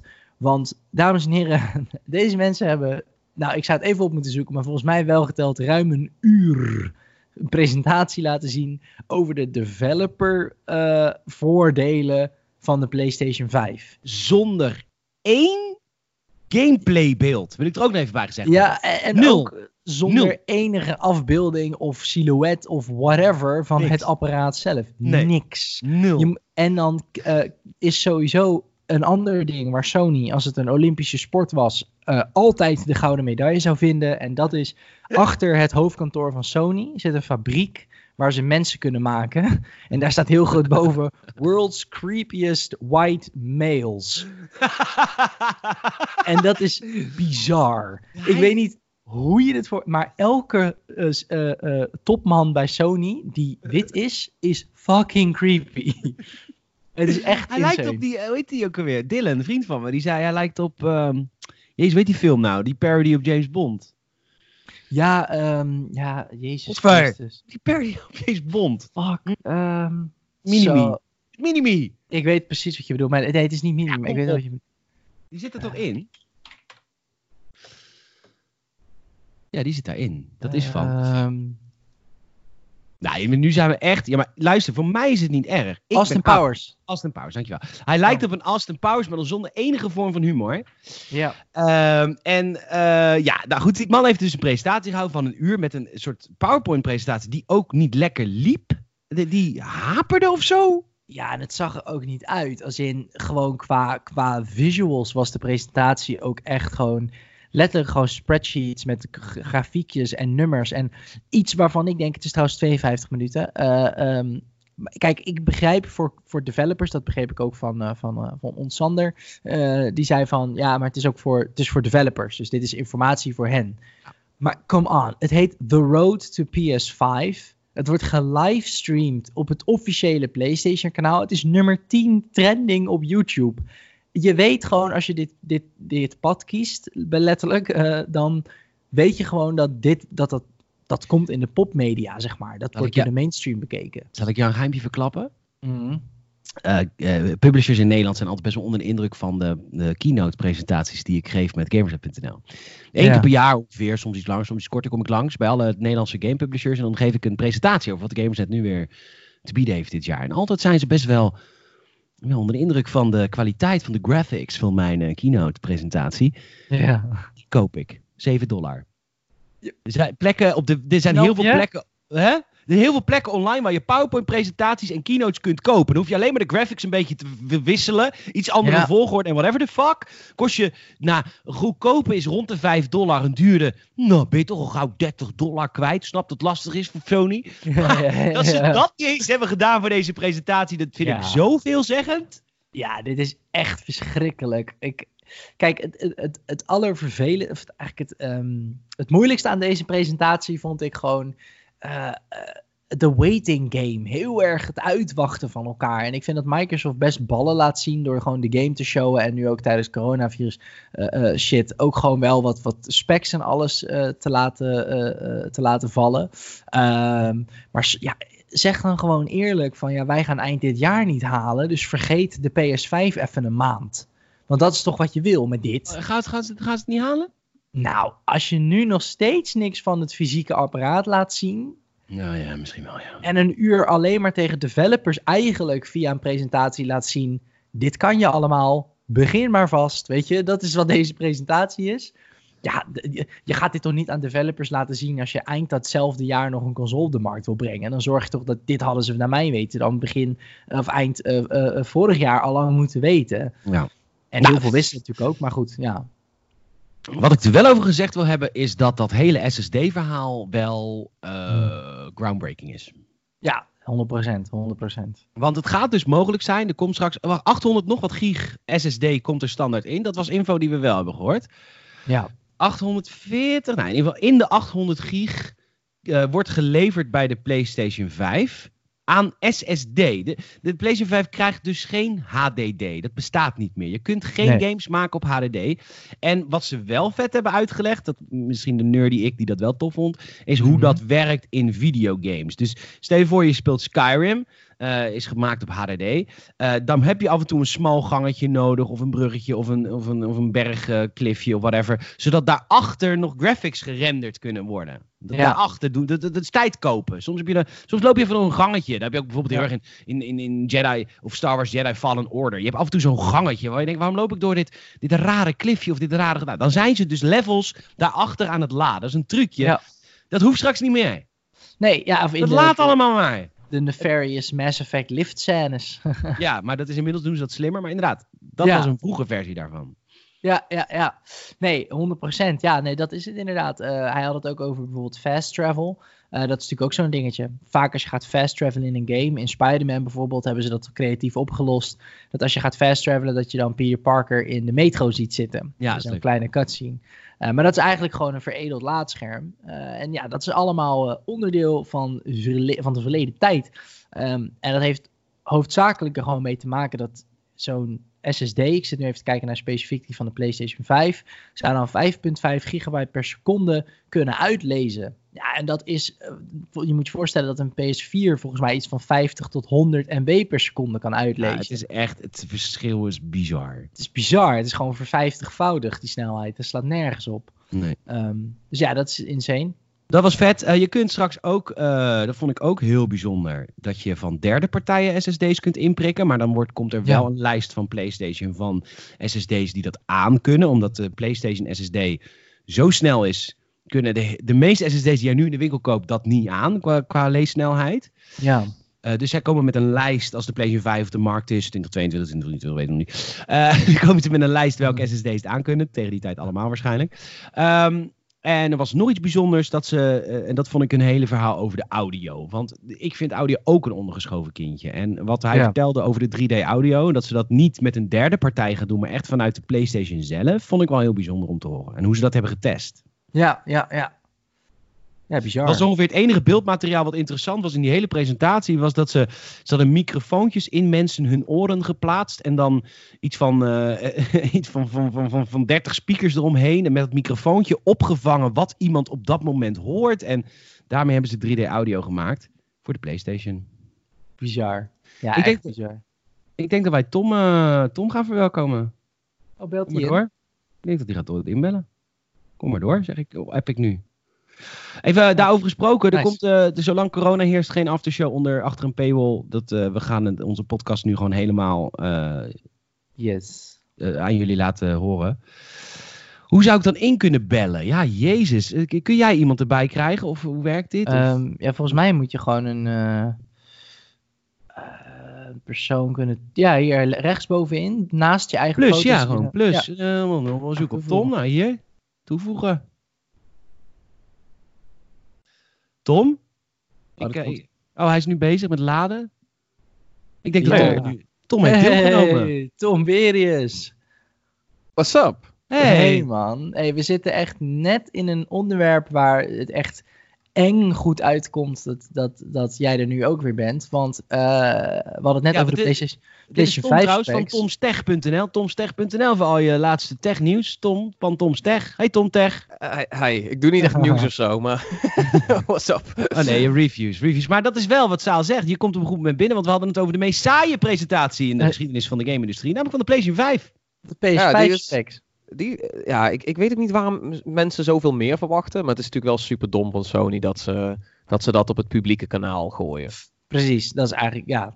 Um, maar we hadden het ook net inderdaad over SSD-schijven. En uh, we hebben antwoord. We weten wat de gleuf is. Ja, dat, uh, dat schreef ik toen inderdaad ook. Ja, dat, uh, ja dat, de mysterieuze gleuf heeft een, heeft een opvulling eindelijk. Juist. ja, ik vind het wel vet. Uh, toch, toch, wat is het? We hadden drie opties geschetst of zo. Het is optie 2 geworden, geloof ik. Of optie 1, wat, ik weet niet meer welke we waren opties? een, een XQD-kaart of een CF Express type B. Want die, die ja. kwam aardig overheen. Of een speciale form factor uh, M2 NVMe SSD. En het is dat, uh, het is dat laatste geworden. Ja, maar gaan ze zelf, ze gaan zelf ook wel een, een, SSD op de markt brengen, toch? Want ze zeggen nu wel heel humble, omdat Microsoft dat ook doet. Derde partijen SSD's kunnen er ook in. Ja, volgens maar mij, ze hadden... um, nee, ze kunnen geen derde partij. Alleen ja, de ja. De Series X staat op de website uh, de Xbox Series X Storage, storage Expansion Card. Dus dat ja, wordt die, wel een die, soort die van wordt gemaakt door Seagate, maar die, die moet Ah. de, precieze, de, de precieze snelheid van de interne kaart moet die, uh, kunnen, kunnen spiegelen om het te laten custom? werken. Uh, nou ja, het komt er wel op neer dat er waarschijnlijk Seagate heeft die, heeft die interne kaart gemaakt. Dus waarschijnlijk hebben ze dan ook het dealtje van: oké, we kunnen ook oh, in die externe vorm factor precies dezelfde SSD aanleveren. Wacht even, dus is PlayStation nu de, de, de vriend van de gamer aan het worden door te zeggen: we kunnen alle SSD's aan?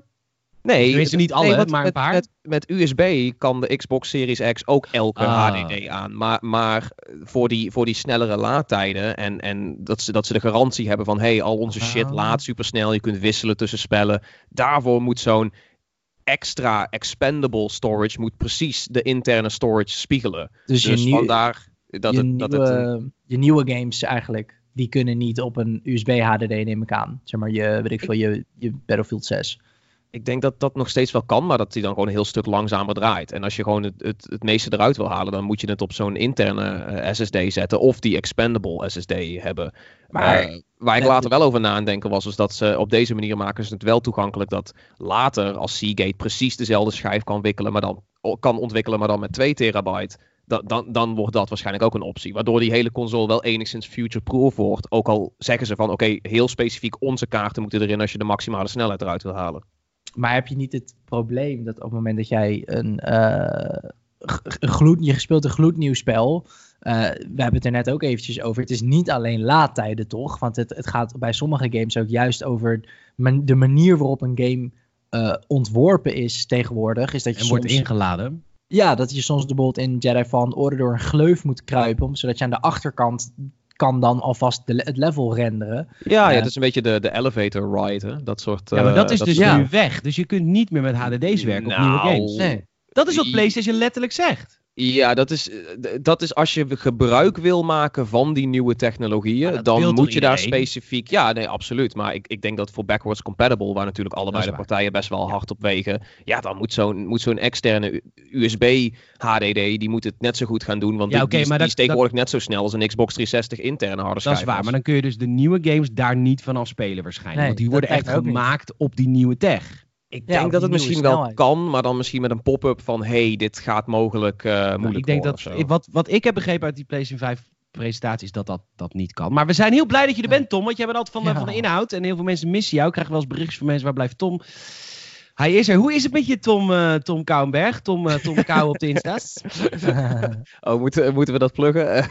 Tom Kou TikTok? Ja, op de, ja, tik, oh man, ik ben blij dat ik daar nog uh, aan... Uh, ik heb niet veel op Byte gezeten trouwens, moet ik eerlijk oh, toegeven. Oh, Byte is het niet helemaal geworden, maar misschien komt dat. Bij, bij, mij ook niet. Maar hoe, kom jij, uh, hoe kom je de corona-periode doorheen? Ben je eenzaam? nee, ik heb, een, ik heb een vriendin en een. Oh ja, je hebt natuurlijk een, vriendin. Ja, Die laat je nu dus- af en toe ook vrij. Uh, nou, die, uh, wij, wij werken gewoon allebei nog. Dus uh, het is iets meer vanuit huis in mijn geval. toch voor EasyJet? Ja, ja dus, dus zij, zij werkt. Ja, gek genoeg, dat is, dat is niet heel veel anders geworden eigenlijk. Nou, behalve dat er geen vluchten meer zijn, toch? Ja. Nou, er zijn nog wel vluchten hoor. het, is, het is, ligt niet allemaal stil. Het, het gaat een beetje, het is veranderende nu. Maar dat, hey, ze, ze, ze blijft verdienen, dus niks te klagen toch? Oh, dat gaat de staat allemaal oplossen. Wat, wat ben je op het moment allemaal aan het gamen, Tom? Uh, Oh, dude, ik ben uh, vanaf, uh, vanaf vannacht ben ik in Animal Crossing gedoken. Ook de vriendin trouwens ook, die gaat er iets harder in. Ik, zij heeft nou een, een standby dag en ik niet, dus... Oh, zo geil. nice. Ik ben in Animal Crossing en zij gaat er nog harder in. Ik vind ja. het zo sexy klinken allemaal, kan er niks aan doen. Maar dat komt omdat ik al vijf dagen in thuisisolatie zit. Dus ik vind alles geil op dit moment. Klink, klinken nu zelfs dieren? Want dat is ja. wel, dat is wel zorgwekkend, Peter. Ja, het enige wat ik heb is mijn kat Lenny. Lennifer. Oh god, oké. Okay. Somebody get Lennifer. Uh, okay, yeah. Free Lennifer. Ja. Hashtag Free Lennifer, ja. Oh god. Maar dus uh, Animal Crossing, hoe bevalt het? Uh, ja, goed. Ja, kom op man, die game is zo ontiegelijk schattig. We zagen het allemaal aankomen. Maar goed, ik zit er pas, uh, pas een, een, een uurtje in of zo. Maar het, het, het voelt wel echt heel fraai. Um, en, uh, en ik, heb wat, ik, heb, ik heb wat meer Ori gespeeld. Want uh, Ori is natuurlijk ook uit. Um... Ja, maar wacht, ik wil eerst, eerst Animal Crossing. Want ik... Ja, dat heb ik echt maar een uurtje gespeeld, maar het is gewoon super schattig. Wat, uh, wat wil je weten? Nou ja, de Nintendo Direct heb ik helemaal gezien, die laatste. Ik vond het ja, je, begreep, je, begreep, ook niet dat het, een, uh, dat het de, de Island Package, dat dat zeg maar... Het, dat is van, welke, wat voor DLC is dit nee, nou? ik begrijp, ik begrijp geen reet van Animal Crossing. Maar Mieke, uh, redactrice bij Gamers, die zei vandaag in de groepsapp heel veel zeggen. Kan iemand mij uitleggen wat het leuk is in Animal Crossing? en ik heb het echt geprobeerd. Een Nintendo Direct van heel veel minuten. Uh, ja, wat is er zo leuk aan? Dat is hetzelfde met Super Smash. Daar gingen ze ook uh, een uur lang praten over de nieuwe emotes van, van alle fighters. Ja, maar dat um... snap ik nog wel. Dan kun je met je knokken. Maar dit, dit, het is live. Het is toch gewoon een live simulator. Je moet gewoon een huisje bouwen en leven. Vissen. Ja, het, het, is, het is niet echt, weet je, want als je zegt live simulator, dan is het ook zo van, oh fuck, moet ik belasting gaan doen en zo. En uh, mijn huur afbetalen. En in zekere zin he, heeft Animal Crossing dat ook wel. Maar het is, het is gewoon op een ontzettend... Belasting? Heeft Animal Crossing belasting? Nee, maar wel huur, huur, afbetalen is wel een soort van, van trope. Echt? Ja. Dat is in Red Dead Online ook, Salem. Ik moet 2 dollar per dag betalen aan mijn possiekamp. Ja, ik moet erg zeggen, als je dan moet kiezen tussen zeg maar uh, het barre wilde westen of een schattige fictiewereld voor het echte leven, dan ga ik toch wel voor Animal Crossing, denk ik. Ja, ja, ik, ik, het, is, het is gewoon super rustgevend of zo, weet je wel. Je bent gewoon op een... Op een om... gewoon, stel je even voor, hè. Gewoon, ik, ik schets het even voor je. Het mhm. is, uh, stel je komt op een onbewoond eiland. Maar het is wel, het is wel veilig en zo. Het is gewoon, hier, hier heb je een tent. Ga maar plaatsen. En, en uh, hier heb je een, een hengel. Kun je vissen.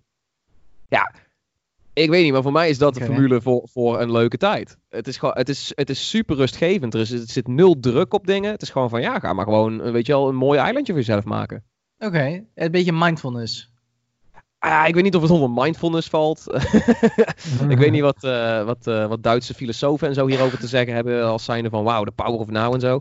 Maar uh, um, nee, het is, het, is, het is niet per se mindfulness of zo. Maar het is gewoon het is heerlijke bezigheidstherapie. Alles voelt super warm en schattig en verwelkomend. En er is nul pressure. Weet je, hoe vaak heb je nog een game waarin gewoon nul pressure is? Het is altijd is het wel van, oh je moet dit doen, je moet dat doen. Uh, ja. nu, nu is dit ja. kampje aan het bedreigen, nu ja, moet je 600 torens gaan ontdekken. en hier is gewoon van, dude, het is een eilandje, let's go. Ja, ik kom uit Red Dead Online inderdaad. Je moet wel voor alles heel veel doen. Ja, en, en Animal Crossing heeft dat denk ik ook. Want het is wel, het is niet per se grinden, maar het is natuurlijk wel van, oh, oké, als ik iets wil craften, dan heb ik zoveel stukjes onkruid nodig en zoveel stukjes hout. Of een, misschien moet ik er nog een, nog een beestje is het een beetje de, ik weet dat de gameplay misschien niet vergelijkbaar is, maar een beetje de, weet je, gewoon het Minecraft effect. Van, het, zeker als je het met, op peaceful speelt, dat je gewoon eigenlijk, wat ben je nou aan het doen? Ja, ik ben gewoon shit aan het verzamelen en daarna weer shit aan het bouwen en dan weer shit verzamelen zodat ik meer shit kan bouwen.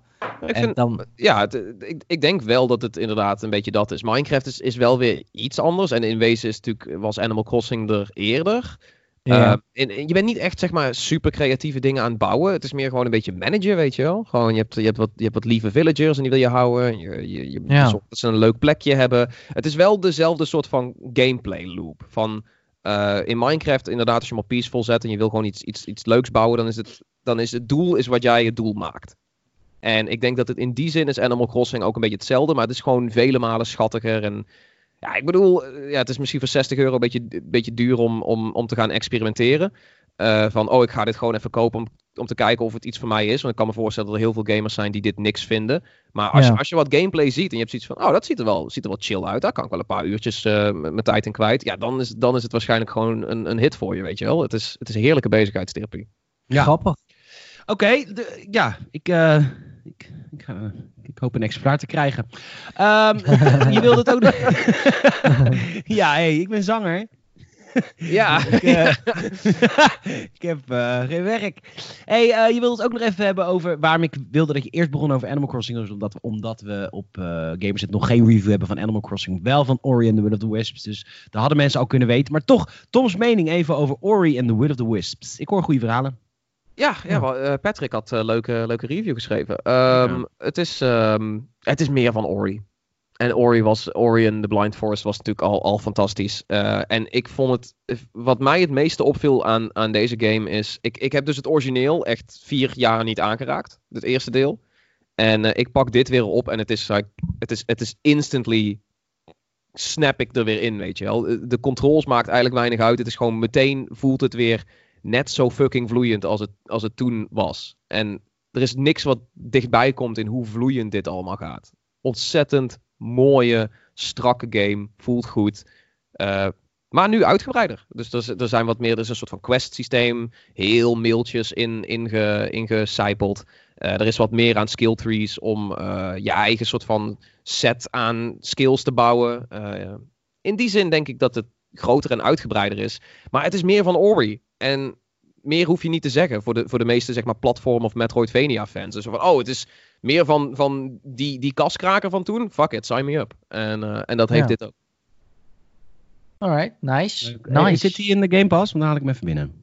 Ja, ja, ja. Uh, ook, ook wederom Game Pass, ja. Het, is, ja. het begint echt begint een beetje uit de hand te lopen met hoe prettig die nu is. Ja, de Game Pass, ik ben een groot fan. Maar goed, ik zit nou Reddit online op de PlayStation 4. Dus ik, ik ben nu preoccupied met het Wilde Westen. onveilig maken met mijn possie, de Halligalli. Je moet je alleen wel eens in de zoveel tijd afbetalen.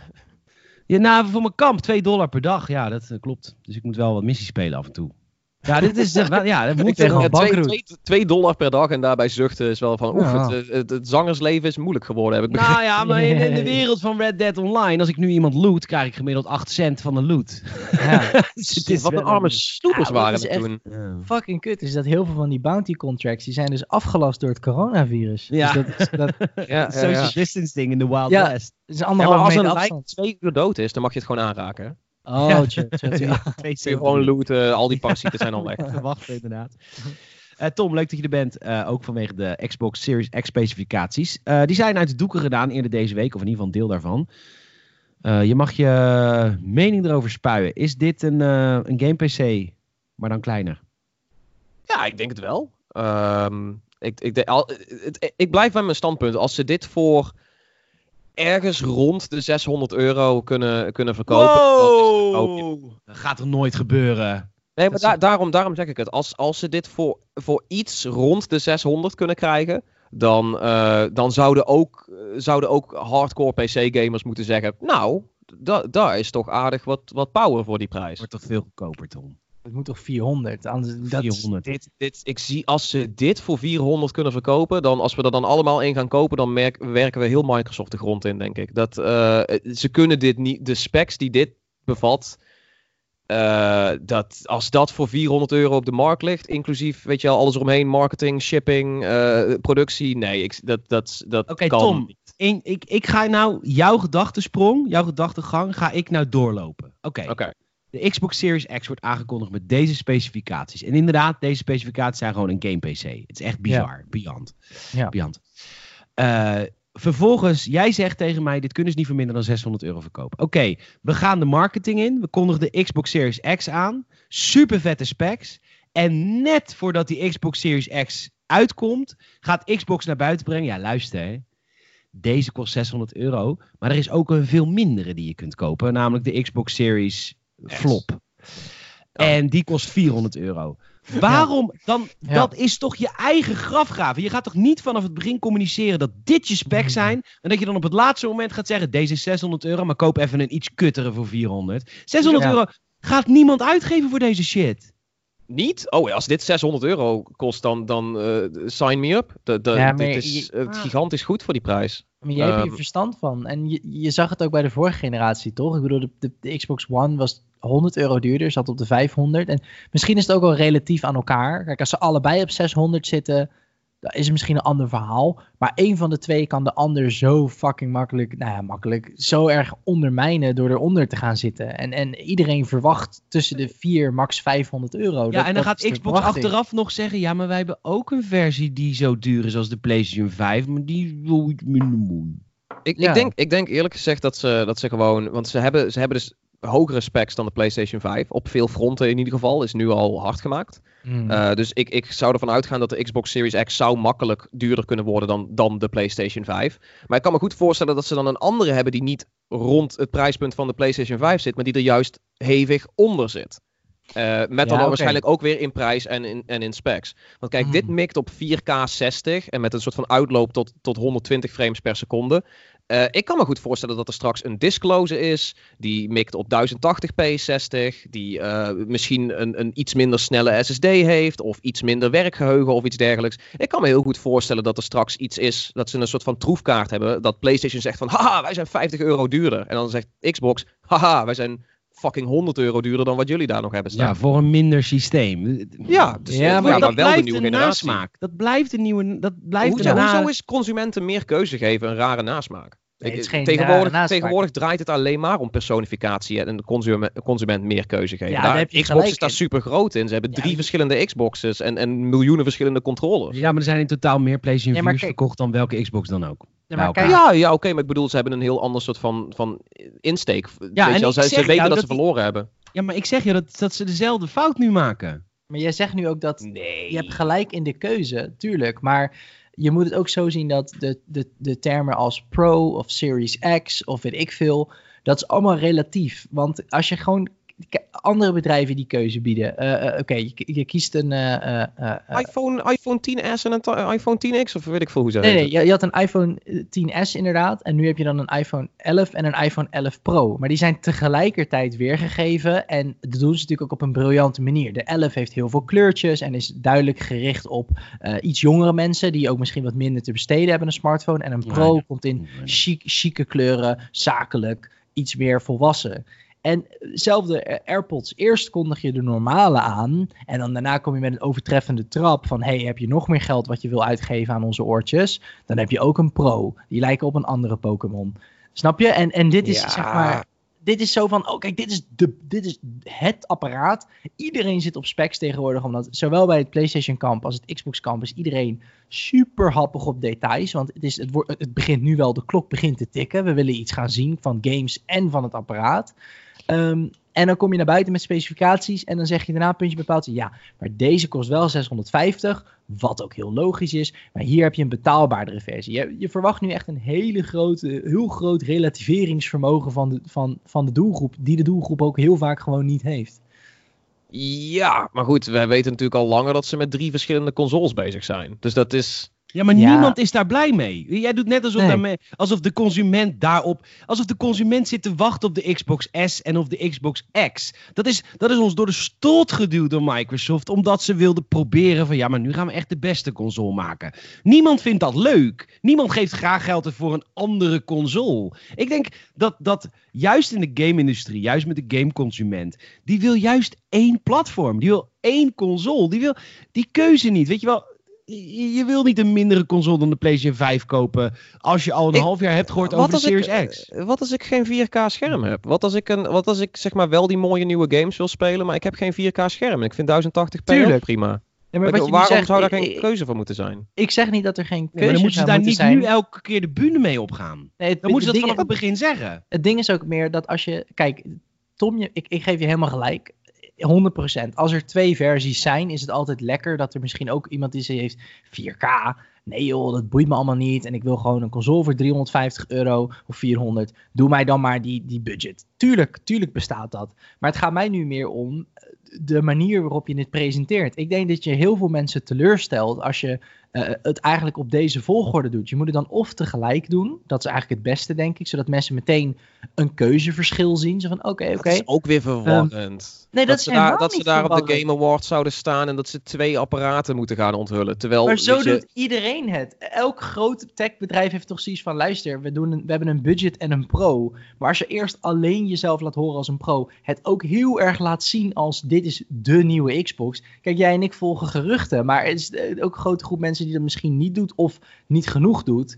En ik denk echt serieus dat als je dit laat zien en niet alleen maar specificaties laat zien, maar ook heel erg laat zien wat je daarmee kan, laten we dat ook niet vergeten. Want nou, ze zeggen niet. Ze ook een beetje. Ze, ze, zeggen niet alleen 16 gigabyte memory SSD. Ze zeggen nee, met deze SSD, dat laat ze ook zien, kun je heel snel wisselen tussen games. Uh, De laadtijden zijn vier keer zo kort. En dat zijn allemaal dingen, dat, zijn, dat is grijpbaar voor mensen die niet per se heel veel verstand hebben van die chip, chips en SSD's en snelheden. Die denken 16 gig memory, I don't know, twee keer zo snel mijn game opstarten. Oh, dat voel ik wel. Dat klinkt heel erg nieuw. Dat, ja, dat, is, dat is menselijke maat. Maar, ja, maar wat als je dan daarna komt met een console waarvan je zegt: Oké, maar deze die start je game 40% sneller op dat voelt dan als een bammer. Ook al is 40% een prima upgrade, zeker als het maar 400 nou, euro kost. Ik denk niet dat, dat de SSD hetgeen zou zijn waar ze, waar ze hevig op gaan, gaan kutten voor een, voor een zogenaamde Series S. Okay, maar je gaat, je gaat een compromis hebben. Je gaat ja, tuurlijk. Maar dat is toch juist ook het punt. Als, als ik geen 4K beeld wil hebben, maar ik wil wel de nieuwe games ervaren, dan I don't know. Ik, ik bedoel, Microsoft eh, wou natuurlijk hoog instappen en ze willen hun sterkste console ter wereld term niet, niet kwijtraken. Dus natuurlijk onthullen ze dit ding eerst. Maar ik, ik snap niet waarom jullie zo veel moeite hebben met als ze straks zouden zeggen van er is een goedkopere versie. Maar het gaat me om de consument. En vooral de gamer-consument. Ik ken gamers. Eh, ik, ik game met mensen die, die vinden alles lastig. Die vinden een Pro al lastig. Die vinden een gewoon S geen met het laagste prijskaartje. Als je het lastig vindt, dan geef je toch niks om 4K. Maar die zien wel al die vette trailers. En dit is vet. En dit kan straks. en dit kun je ook spelen op een S. Ja, maar wel op met langere laadtijden. Waarschijnlijk minder mooie graphics. Uh, gaan, we weer, gaan weer snijden in, in, in fanbase. En ik denk dat gamers daar helemaal geen zin in hebben. En ik denk ook dat het, ik denk het probleem ook is dat als je het aankondigt als, zoals het nu wordt aangekondigd, dit noemen ze de PlayStation 5 bijvoorbeeld en de Series X. Nergens staat het woordje pro of super of cool, zeg maar. Dus uh, dit wordt aangekondigd als... cool. Hoe zit het dan? Laat ik het zo zeggen. Dit wordt aangekondigd als de standaard. Als de standaard, en zo moet je het even zien. Ik denk dus serieus dat een groot deel van de mensen die hier naar uitkijken, zo naar kijkt. Die zien, oké, dit is dus de standaard zometeen. En dan zeggen ze, nee, dit kost dus 600. Oh, maar dat wil ik er helemaal niet voor betalen. Nee, dat klopt. Maar jij hoeft ook niet te kijken naar de standaard, wat je al helemaal in je hoofd hebt gewend. De standaard was al die tijd al eigenlijk 2032 shit, die je nu alleen pas voor 600 kan kopen. Ehm, en dat voelt dan een beetje zo van, ah, een soort van steek in je rug van, oh trouwens, dit was eigenlijk het dure model, man. Dit is hetgene, dit is namelijk de prijs die je had verwacht, 400, en dan krijg je de helft. Dat, Ja, ik denk zijn dat, ja, Ik wil het afronden. We zijn het hier niet mee eens. nee. Ja, ik, Zou- ik, ik, ik, ik zie niet hoe meer keuze een, een probleem zou zijn. Of een goedkopere prijs. Voor de mensen Nee. die het simpel willen houden. Dat zo van, oh, voor 400 euro krijg ik er ook die eentje die mensen die willen het game... helemaal niet simpel houden. Die willen die graphics die ons beloofd zijn. Juist. Hey, de en die Xbox- willen deze volgorde ook niet. Ja, ja oké, misschien is, is dat dan raar. Maar goed, ja. Maar goed, daarom blij dat je weer in de podcast zit. Saal Saal en ik zijn het heel veel met elkaar eens. En jij bent lekker, eh, lekker, lekker een andere mening. En dat is helemaal prima. En dat, is, eh, dat maakt onze podcast eh, rijker. Wil even onwijs dikke shout-out en bedankje naar, ehm, naar alle reacties op de nieuwe Gamerset podcast die achter een paywall zit. Beetje lullig allemaal misschien voor jullie om te begrijpen. Ehm, het- er zijn enorm lieve reacties gekomen aan onze kant. Van, eh, sommige mensen vonden het walgelijk. Sommige mensen die zeggen, ja oké, we hebben ook een Netflix abonnement, bla bla. En dan val je Gamersnet aan. Ehm, ik wil in ieder geval bedanken. Ik ga eh, Gamersnet fanzone afleveringen binnenkort komende week opnemen. En die ga ik, zolang dit virus heerst, niet achter een paywall stoppen. Dus die, eh, die komen gewoon op, op de Spotify. Free entertainment. Ja, we Zo. zitten nu ook al ruim of bijna anderhalf uur te praten. We hebben extra Ja. entertainment nodig. Want ik, ik heb Ja. niet genoeg podcast. Dat is mijn nummer één hobby, durf ik wel te zeggen. Is het luisteren van podcasts. Ja. Ik heb er niet genoeg. Ik had er een, ehm, een grappig, wat ik, een soort persoonlijk verhaal wat ik even wilde delen over de Gamescom. Op dit moment heeft Gamescom een tweet uitgestuurd. En die hebben gezegd: op dit moment eh, gaat de Gamescom gewoon door. En we gaan later beslissen of het wel of niet doorkomt. Dat komt er eigenlijk op neer. We cancelen het nog niet. We wachten het af. Ik zat even na te denken in, verschil, in verhouding tot de E3. De E3's heb ik altijd met super weinig eh, tegenslag beleefd. Maar Gamescom heeft heel vaak shit met terrorisme. En eh, weet je dat ook nog, Tom? We hebben echt super vaak een Gamescom meegemaakt dat er net een terroristische aanslag was. En ik ben echt- Welk jaar was dat? Dat, er dat is dat- twee jaar gebeurd. Dit is niet eenmaal gebeurd, maar het is twee Nee, keer. maar dat, dat, het- de eerste keer dat ze zo Guardian waren van, oké, nu, moet, nu moet de security omhoog. En toen, toen waren, waren grapjes ook niet meer eh, toegestaan. Dat, ja, eh, dat, je jaar. van als er wat is, dan moeten we hier afspreken. Toen waren jullie heel lullig tegen mij, want jullie vonden mij natuurlijk weer een, een, een oude dikke homo die, eh, die zich veel te veel zorgen maakte om zijn vlog. Maar eh, het zou wat zijn dat dit jaar de Gamescom wel doorgaat. En dat zou dan de derde keer zijn dat ik op Gamescom loop en denk van, oh, is dit wel ha- handig dat we dit nu met z'n allen zo hier een paar honderdduizend mensen zijn? En zweten. En zweten, ja, heel veel Zweten. dat helpt ook. Heel veel zweten. Oh, wat, eh, hebben jullie het niet gehad over First Look? Nee. Ah, Oké, ja, maar dat vond ik wel, Eh, eh, dat praat ik niemand over grappiger. Ja, ja, dat was, ik denk, de, dat, dat was, corona heeft ze nog een boost gegeven. Eh, nee, maar dat vond, dat vond ik juist, eh, dat vond ik grappiger. Kom maar door met First Look. Wat is er met First Look aan de hand? Want onze vrienden van de Game Kings. Nou ja, ik, ik, ik vond het gewoon eh, ik vond het grappig dat juist in de week dat eh, Gamescom zei van ja, weet je, de, de, de, de ban is toch niet zo ver. Weet je, augustus, eh, augustus is nog een soort van, kan het weer veilig zijn jongens? En ondertussen is First Look zo van onze beurs in oktober trouwens. ik, vond de, ik vond de timing gewoon erg, eh, erg geinig of zo. Ik hoor Ja. al, ik wist niet, ik dacht dat hij al gecanceld was. Ik hoor al weken van mensen in de game-industrie dat er helemaal geen First Look komt. Dus Ja, Ik volgens mij wist hoorde ik dat al. al jaren. dat is een beetje... Ehm, nee, ik, eh, het, is, het is jammer dat er, eh, dat er minder evenementen zijn. Ik hoop, dat, ik hoop dat Gamescom het nog redt. Ik hoop dat TwitchCon nog een plekje gaat vinden. Ik hoop dat eh, E3 niet eh, de, de, de nodeloos sterft. Ehm, maar het is een gekke tijd. ja, het is echt een eh, hele rare tijd. Het is, het is alsof je in oorlog zit zonder oorlog. Maar zo voelt het wel echt Ja. een beetje. Ja, misschien Ja. moeten ze een keer een oorlog uitrollen of zo. Dat, nee, dat- nee, nee, Dat kappen! zou nou wel passen. afkloppen, afkloppen. Ja, ik zweer, als, wij, als wij medicijnen vinden, dan staat Trump met zijn hele leger staat voor de deur. Ik zweer, America first, America first. Hier met, het, eh, hier met, het, eh, met, die, met die medicijnen. Ja, wat, wat Gebeurt ik met wel- Netherlands second. ja, dat is dan daarna. Dat, eh, dat Ja, vind ik dan prima. hebben we wel een paar honderd miljoen mensen die we eerst medicijnen moeten geven voordat we onszelf wat geven. Ja. Ja. Geertje, Geertje, waar ben je? Nee, grapje. Jezus, doe even normaal. Heb je het trouwens gehoord, Saal? Nou, Morgen. You never walk alone. Over heel veel landen. God, alleen nadat je het zegt. Kees, ik weet dat hij nog leeft, maar ik moet al denken aan de dood van Lee Towers. ja, maar met zwaar hè, Het is Rotterdam. allemaal moeilijk hoor. Ja hoor. Lau van Tini, of Tini van Lau is dood. Ja, Jules Tilder is dood. Zo zakkenals, kan ik je vertellen. De Euromas huilt. De Maar euro goed. was wel. nou, trouwens, Tom, is het Oh. niet echt, voor mijn gevoel is eh, zeg maar Brabant gewoon ground zero nu. Ja, ik, eh, ik ben al een tijdje niet eh, de Dark Zone in geweest, zullen we maar zeggen. Nee, want hoe is het met je fans? Ja, ik wil zeggen. Eh, oh, die, die redden het allemaal. Eh, staan er super eh, nuchter in. Eh, zijn ze niet te nuchter, net als mijn moeder in het begin was? Eh, Als mama is een klein beetje te nuchter. Ja. die, eh, die, die, die redden zich wel, dus dat komt wel goed. En, eh, en de, de rest van, de, van de, de, de Eindhovense homies en zo. Ja, het is een beetje het is een gekke, gekke tijd geweest. Maar hoe oud zijn je ouders?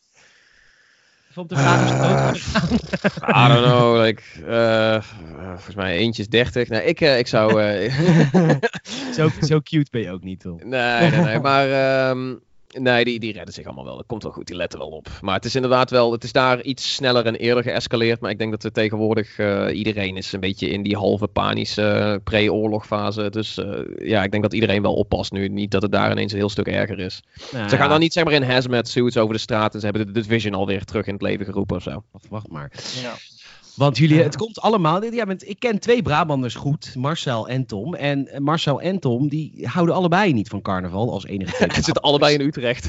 En Ja. ze zitten allebei in Utrecht. En eh, jullie hebben wat dat betreft wel geluk, want dat komt natuurlijk allemaal door het gekaak en getong en geneuk met carnaval. Daar komt dit natuurlijk allemaal door. Ja, wat ik wel is grappig jullie- vind- Sorry, als je in Brabant woont, dat is niet de- je schuld, maar dat is wel de reden dat het zo geëscaleerd is. Tuurlijk. ja, Nee, fucking pin- disclaimer. Ik ben geen het maar weer op de, op de Brabanders. Ja, prima, prima. Dat is- Eh, nee, want ik, ik, vind, ik vind het juist ironisch dat je dat dan zegt. Terwijl eh, er zijn meerdere cases van, van eh, instances waarbij eh, het virus via wintersport binnenkwam. Weet je wel, als je een Brabander bent die niet into carnaval is, dan ben je vaak een Brabander die iets met wintersport heeft. Zo, zo zie ik het in ieder geval. Het is voor mij altijd twee kampen Ja, geweest. Weet je wel. Er zijn maar, er zijn maar twee soorten Brabanders. Ja, er zijn twee soorten Brabanders. eh, Nou, eh, dat zijn en- wel echt- allebei zijn ze verantwoordelijk voor. ja. Nee, want een goede Brabander. Nou, nou, nou oké, luister. Als je, luister, alle respect voor je als je het hebt. Sorry, sorry. Maar als je op wintersport gaat en je gaat in Noord-Italië op wintersport, dan ben je echt koekwous. Sorry hoor. Als je op wintersport gaat, ga je gewoon naar Gerlos. En dan ga je gewoon gezellig naar Oostenrijk. Dan ga je gewoon hebben. Gerlos. Natuurlijk. Ja, Dan ga je naar Noord-Italië, kom op. I, I don't know, misschien als je die vakantie gepland had en je hebt nog niet doorgekregen dat het toen zo geëscaleerd I don't know. Nee, is- ik bedoel dat... dat oh, goed. Oh, je bedoelt Veritas en zo? Ik maakte een flauw grapje. Ja, oké. Eh, is er nog meer nieuws te behandelen? Eerste uitbreiding Control komt deze maand. Dat vind ik leuk, want dat vind ik een vette game. Ja, die is nice. Nou, oké. Ja, ja meer, meer controle. Zit dat in de Game Pass of niet? Dat is kwaliteit. Nee. Dat zit er niet in. Nee, dat is kwaliteit. dat, is een goed, dat is een goed spel. Eh, Zo, zo, zo doet Phil Spencer het ook, hè? Van, hey, hebben we nog wat uh, kut games om uh, op te pakken in die Ja. Game Pass van ons? Hoe is dat control? Ja, is goed. Ja, laat maar eens even. Dat is duur, ik me niet betalen. Ja. hey, Er zijn, er zijn die gasten van Quantum Break? Fuck hun. Yeah. We're- I'm here to pick up my weekly pile of shit games. Good afternoon, everybody. Load them up, load them up, load them up in de bak. Disclaimer, disclaimer is niet waar. Game Pass is awesome. Ik speel The Witcher via Game Pass en Ja, Outer Wilds. Is ook vet. Het is ook, het, ik bedoel, hele vette games uit, uit 2014 zijn echt. Oh. Zo, wat ben je toch kut. Ik ben echt blij dat Tom weer terug is in de podcast. Ah, ik zweer bij de Game Pass. Ik vind het alleen zo moeilijk dat er verschillende abonnementen Ik van heb zijn. ook. Ik heb hem ook. Eh, Ik een heb hem PC en een Xbox Game Pass bedoel je toch? Ja, dat is, eh, dat is misschien een beetje weird. Eh, maar die heb je toch gecombineerd nu, of niet? Zo'n Ultimate, over the top, ultra. Ja, volgens mij zit ik daaraan eh, aangesloten. Maar dat, En wat eh, doe je dan? Zie je, dat is hetzelfde met de consoles. Heel moeilijk allemaal. Uiteindelijk haal je toch de duurste. Je, je vindt het zelf ook kut. Nee, nee, you fell for my trap, man. Dat was, dat was, een, dat was een valkaart die ik hier speel. Ehm, nee, nee, nee, wat wel mooi is dat ze die Ultimate eh, Game Pass... Ik bedoel, je krijgt een Ori en de Will of the Wisp schip in Sea of Thieves. Wat toch weer een leuke soort van... Ik had zoiets van, hey, die, allebei die games vind ik tof. Nice. Maar is het ook een vet schip? Ja, het is echt een heel vet schip. Het is leuk dat ze dit soort eh, dingen doen. Ik bedoel, eh, ze- gaan ze zelfs die soundtrack van die game gaan ze piratenversie van maken. Dat is toch, ik bedoel, het is wel heel koddig gedaan allemaal. Dat is nice. Ja, dat is cool. Ja, maar goed, mijn eh, online game is Red Dead Online, dus ik kan nu niks meer anders. Het is een leuk spel, Tom. Red Dead Online. Ja, misschien moet ik het een keer oppakken. Is die game al Ja. uit voor PC? Game is uit voor PC, ja. Niet in de Game echt- ik heb dat dus echt helemaal gemist of zo. Ik weet niet. Dat is, ja. Heb je mijn uh, preview niet gelezen over de fotomodus in Red Dead Online of Red Dead Redemption 2 op de PC? Daar heb ik gewoon echt 1500 woorden aan gewijd hoe vet dat is. De fotomodus. Dat gezegd hebbende, ik heb daarna Red Dead Redemption 2 ook op mijn PC opgestart. Iets minder dan de PC die ze bij Rockstar hadden. Kan je niet zeggen. ja, iets minder indrukwekkend. Ja, bij, uh, bij Rockstar hadden ze de Xbox Series XX staan. Die is 900 euro en die is nog een jaar oh. Dat is inderdaad wel de Xbox Series XXX. Daar kun je van die ja. lijpe gamertag namen van maken. XXX, Pussy Destroyer 69 XXX. Xbox Series. Die nee, zou dat is, ik heel ja. graag aangekondigd willen horen door Phil Spencer. Ja, ja. Nee, met nee. Ubisoft door Yves Guillemot. Pussy Destroyer? Exclusief voor Pussy Destroyer XX69 Xbox. en al lachen. Die, die man weet helemaal niet wat dat betekent, dus die lacht alleen maar. Weet je. ja. Ja, ja, ja. Dat, uh, ja, ik heb dit gemist, jongens. Laatste nieuwtje van vandaag. Um, ik, ben toch, ik heb het idee toch even moet ingrijpen als de host, want dit ging allemaal over dingen die ik niet snap. Pussy. Uh, Xbox, Series, Xbox Series X heeft een uh, release periode. Yeah. Ja, toen, eerste release datum. En toen Winnie. ja, er kwam op een gegeven moment kwam er een tweet uh, uit vanaf het Xbox-account. Jawel. Uh, Thanksgiving 2020. Yep. En dat is 26 november 2020. En toen uh, is daarna iedereen losgegaan dat het niet zo is. Ja, dat zou niet kunnen. Ja, het was ook niet echt een tweet. Het was de website waar het oh, ineens tevoorschijn kwam. Ja. Wat, wat, wat mij vooral doet denken dat het gewoon een, een, een placeholder of een, of een gerichte release datum was waar ze op aan het mikken waren. Die lekt per ongeluk uit. Maar inmiddels is die, die misschien maanden geleden vastgestelde datum niet meer haalbaar. Ik hoorde in een uh, andere podcast die jij en ik heel veel luisteren, Tom, dat de, bij de PlayStation 4 of bij de Xbox One, de, de productie van de Xbox One begon in september voor een release van de winter. Dat zou nog kunnen, toch? Of niet? ja, nou, dan, dan, ik bedoel, als dat waar is, wat, wat, yeah. uh, wat de jongens van de, van, de, van de Giant Bombcast zeggen, dan betekent dat dat we nog tot september hebben dat productie kan starten. Dus dan halen ze het gewoon. Maar dat was voor de Xbox One, zeg je? Ja, ja, dat was voor de Xbox Maar die was niet wereldwijd natuurlijk. Het was niet global release. hey, dat is echt... Dit is een stukje journalistieke kracht die ik bij Tom had verwacht, Saal. Dit, dit soort intelligentie, dat had yes! ik niet. Yeah. nee, dat is waar. Dat was inderdaad maar voor uh, Amerika en een paar andere landen. En destijds, de, de, de, de specs zijn ook heel anders. Want toen, de, de consoles van toen waren best wel, qua, qua hardware, niet heel revolutionair. Weet je, die hadden nog oude nee. HDD's. En nu hebben we het over hele, voor beide consoles, hele specifieke custom SSD's. Wat, ja. uh, neem ik aan, een, ook een lange productieproces op gaat leveren. Omdat je ook die dealtjes moet sluiten met je Seagates en je Samsungs en je Lexars en weet ik veel, weet je wel. Dus ja. ik kan me wel voorstellen dat om, om dat hetzelfde te zien van, oh, voor de Xbox One gold het zo, dan ik denk dat dit wel, wel heel anders ligt. Ja. Nou ja, ik, uh, ik, uh, ik denk niet dat ze dit jaar verschijnen. Maar goed. Ja, het is een dat is dus het ding. Want uh, Major Nelson, weet je wel, die, die guy bovenin bij, bij de, de woordvoering van, van Xbox. En militair. Die zei, uh, ja, ja. ja, het is uh, sergeant-major Nelson. Uh, maar... Jezus, wat ben jij kut. Those are the real heroes, man. Those ja. Het is ook echt een Larry Herb, weet je wel. En als je hem ziet, heb je ook niet zoiets van, die heeft gediend. De guy, dat is een veteran. absoluut niet. Um, dat is zo iemand die heel snel trouwt om niet, om niet uh, uitgerold te hoeven worden in Vietnam of zo. Uh, maar... Um, Specifiek. ja, ja, ja. ik ben Madman aan het kijken. Um, het ding is, hij, hij, zegt dus, en, en heel veel andere kanalen van Xbox zeggen dus van, nee, nee, nee, Thanksgiving is het niet, dat was een foutje. De officiële datum, de officiële periode is nog steeds Holiday 2020. Dus op het moment dat ze, dat ze dus nu een, een fuck-up hebben gemaakt en ze zijn aan het backpedalen, backpedalen ze in ieder geval nog wel tot de, de, de oorspronkelijke releaseperiode Holiday 2020. Dus ondanks ja. al, de, al de shit van nu, staan ze nog steeds wel expliciet te roepen Holiday 2020. Dus ja. dat, dat doet me wel denken dat het misschien dat nog haalbaar is. Hebben. Ze hebben vertrouwen en dat, dat is nu wat je, wat je moet tonen als, als PlayStation een beetje aan het, aan het flunken is. En uh, het, bij PlayStation lijkt het echt op niet 2020. Nee, ja, dat denk ik ook niet. Uh, je gaat niet.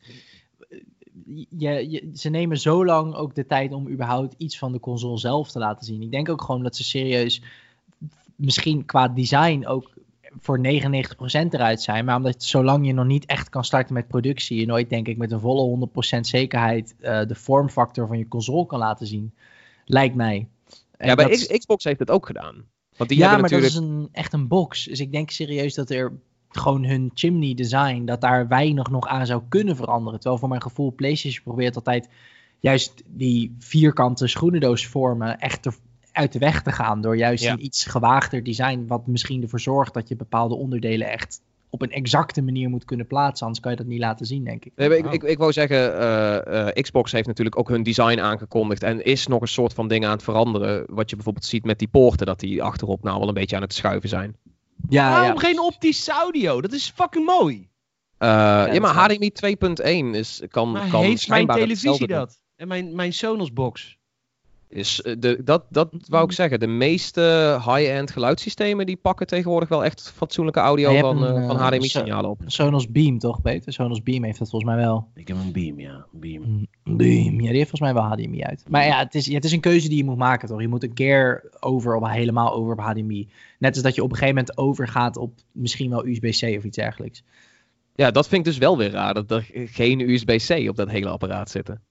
Nee, ja, ik denk omdat ze dat soort van overslaan. Het is of je oude USB HDD of gelijk een NVMe SSD die je op het moederbord moet prikken, zeg maar. Dus waar je niet een kabel tussen kan hebben. Ja, maar ik, ik begin inmiddels, eh, zo langzaam maar zeker begint alles toch echt op USB-C te draaien. En, en Xbox is daarin nog een beetje zo van, nou, de 3.1a is genoeg voor ons, weet je wel. Maar de, ja, want de controller, de Elite controller, die heeft ook een USB-C. Maar dan moet hij dus opladen van USB-C naar USB-A. Dan zou je denken, doe dan gelijk dubbel USB-C. Dan heb je quick charge shit en weet ik wat allemaal. Ja, het is, het is wel zo dat die, die, die USB-A-poorten, die worden natuurlijk ook steeds beter. En ik geloof niet dat die tegenwoordig echt achterlopen op, op wat USB-C kan. Het is alleen dat ja, bepaalde USB-C vormfactor is gewoon fijn aan, aan de ene kant. Maar bij de Xbox, ja. weet je, aan de achterkant van een console hoef je niet per se C te hebben. Ik denk dat dat gewoon de insteek is. Luister, ik heb een idee. Denk even mee, hè? Luister. Je hebt een Xbox... Xbox waarom lach je? Nee, ben je kut? Ik lach aan. Het is iets van denken met Peter. Nee. ja, dat kan dit... Ja, maar dit vind, ik... dat vind ik echt niet leuk, dit. hey. Vertel nou, ik ben echt zo... luister, ik heb een Xbox uh, Series, Series X controller. En ik heb een soort van glazen plaatje naast mijn tv staan. En ik leg mijn Xbox Series X controller daarop en hij laat het dan op. Ik zou daar echt 120 euro voor over hebben. Ja, maar dat, dat, dat, dat vraagt me ook af. De Elite 2 doet het toch? Echt? Heeft hij al, uh, hoe heet dat spul? Ja, en de case van dat Qi-achtige charging. Ah. Maar dat heeft hij dus niet. Maar het moet een glazen plaatje zijn. Niet een lelijke case. Ja, omdat jij... jij Tom, Tom... Oké, Tom wordt even maanden toegesproken. Ja, je moet eventjes nu realiseren dat niet iedereen die gamet ook daadwerkelijk geeky is. Wij wel. Nee, maar ik bedoel, dus... glazen, waarom een glazen... Ik, ik, ik was oh. vooral voor het materiaal. Zo van, Feng waarom shui, bro. It's clear. It looks nice. En misschien een heel subtiel lampje. Groen lampje eronder, dat hij oplaadt. Wat ik nu heb met die Cooler Master uh, headset stand, daar laat ik letterlijk mijn iPhone Als er iets ding niet Feng Shui is, is het dat ding. Uh, sorry, ik heb serieus mijn moeder gehoord, die belde op, ik wil dat ding hebben. als er iets feng shui is, dan is het een audio in zit, maat. Om een gehoorapparaat op neer te leggen. nee, maar het is toch zo? Nee, De wireless charging zit alleen in een Elite. En de Elite is meer voor mensen die soort van meer geld uitgeven aan dat soort dingen. Dus die hebben geen moeite met een case. Maar waar de fuck is mijn, mijn, mijn oplaadplaatje voor mijn controller? Zeker bij PlayStation, daar zit de accu ingebouwd. Kabels, kom op, het is 2020. Ja, ja um, ik weet niet, ik vind kabels gewoon, het is wel sneller, weet je wel, dus... Ja, maar jij bent, jij bent zo'n, jij bent zo'n, uh, jij hebt sowieso ook geen draadloze oortjes, dat geloof ik nee. niet. Ik heb twee draadloze headsets, maar nee, ik ga niet rondlopen met AirPods. Dat, dat Zie je? nee, dat, ja, Ik ben ook, uh, weet je, ik ben ook een zanger die alleen maar met microfoon, met draad zingt, want dan kom ik toch beter over oh. bij de mensen.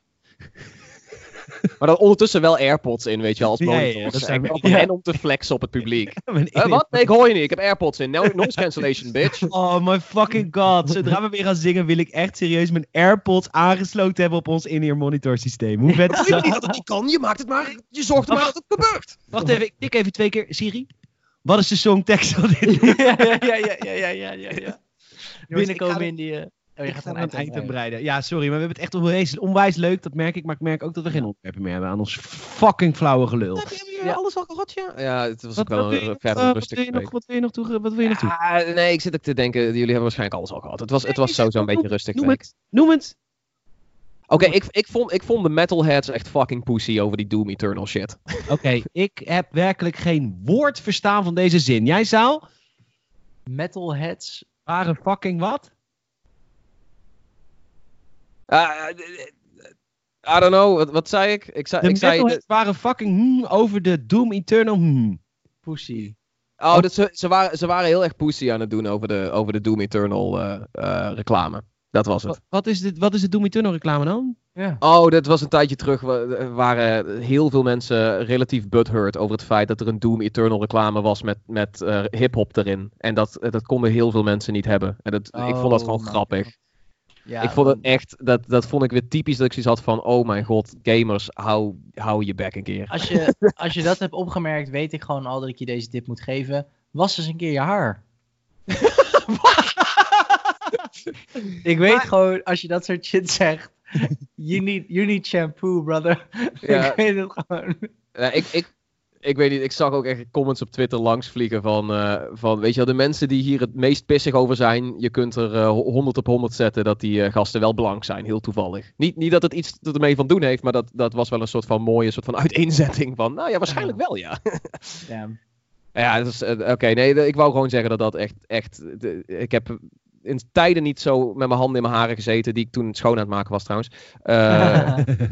Eh, over hoe, hoe dom en butthurt gamers kunnen zijn. Vooral dat het, dat het over Doom-fans ging. Weet je, de gasten die, die scheid aan alles moeten hebben en gewoon fun moeten hebben met hun keiharde game. En die, die gaan Ja. dan moeilijk te doen van, oh, deze reclame op de, die, die ook op de publieke televisie verschijnt, die is niet in de smaak die ik leuk vind. I don't know. Dat is de wereld. Ja, ja, het was, ja, ik weet niet. Ik vond het gewoon een, een, een mooie soort van. Weet je, dat moment. Als ik een moment in kon lijsten, dan wil ik dat graag doen. Om af en toe naar te kijken en te denken. "Ha, gamers. Wij Volk. zijn een uur en drie kwartier aan het praten. En dat zegt wat over de tijd waarin we leven. Ja, zeker weten. Tom, eh, Tom, Tegenwoordig praten we niet zo lang. Tom en ik hebben elkaar heel lang niet gezien. Saal en ik hebben elkaar iets minder lang niet gezien. Maar in ieder geval, eh, ik merk heel erg aan mezelf dat ik heel erg behoefte heb om met mensen te praten online eh, en via de telefoon. Omdat eh, het is best eenzaam. En dat wil ik ook aan jou, door jou doorgeven. Als je, we hebben een fucking vet Discord kanaal. Als je wil praten met mensen of whatever. Stuur een mailtje naar podcast.gamers.nl. Misschien moeten we ook een keer gaan zorgen dat mensen kunnen inbellen in deze show. Ehm, het, het- Ja. nou ja, goed. Het is een, het is een rare tijd. Ehm, bedankt voor het luisteren. Bedankt dat je hebt eh, ingebeld, Tommy.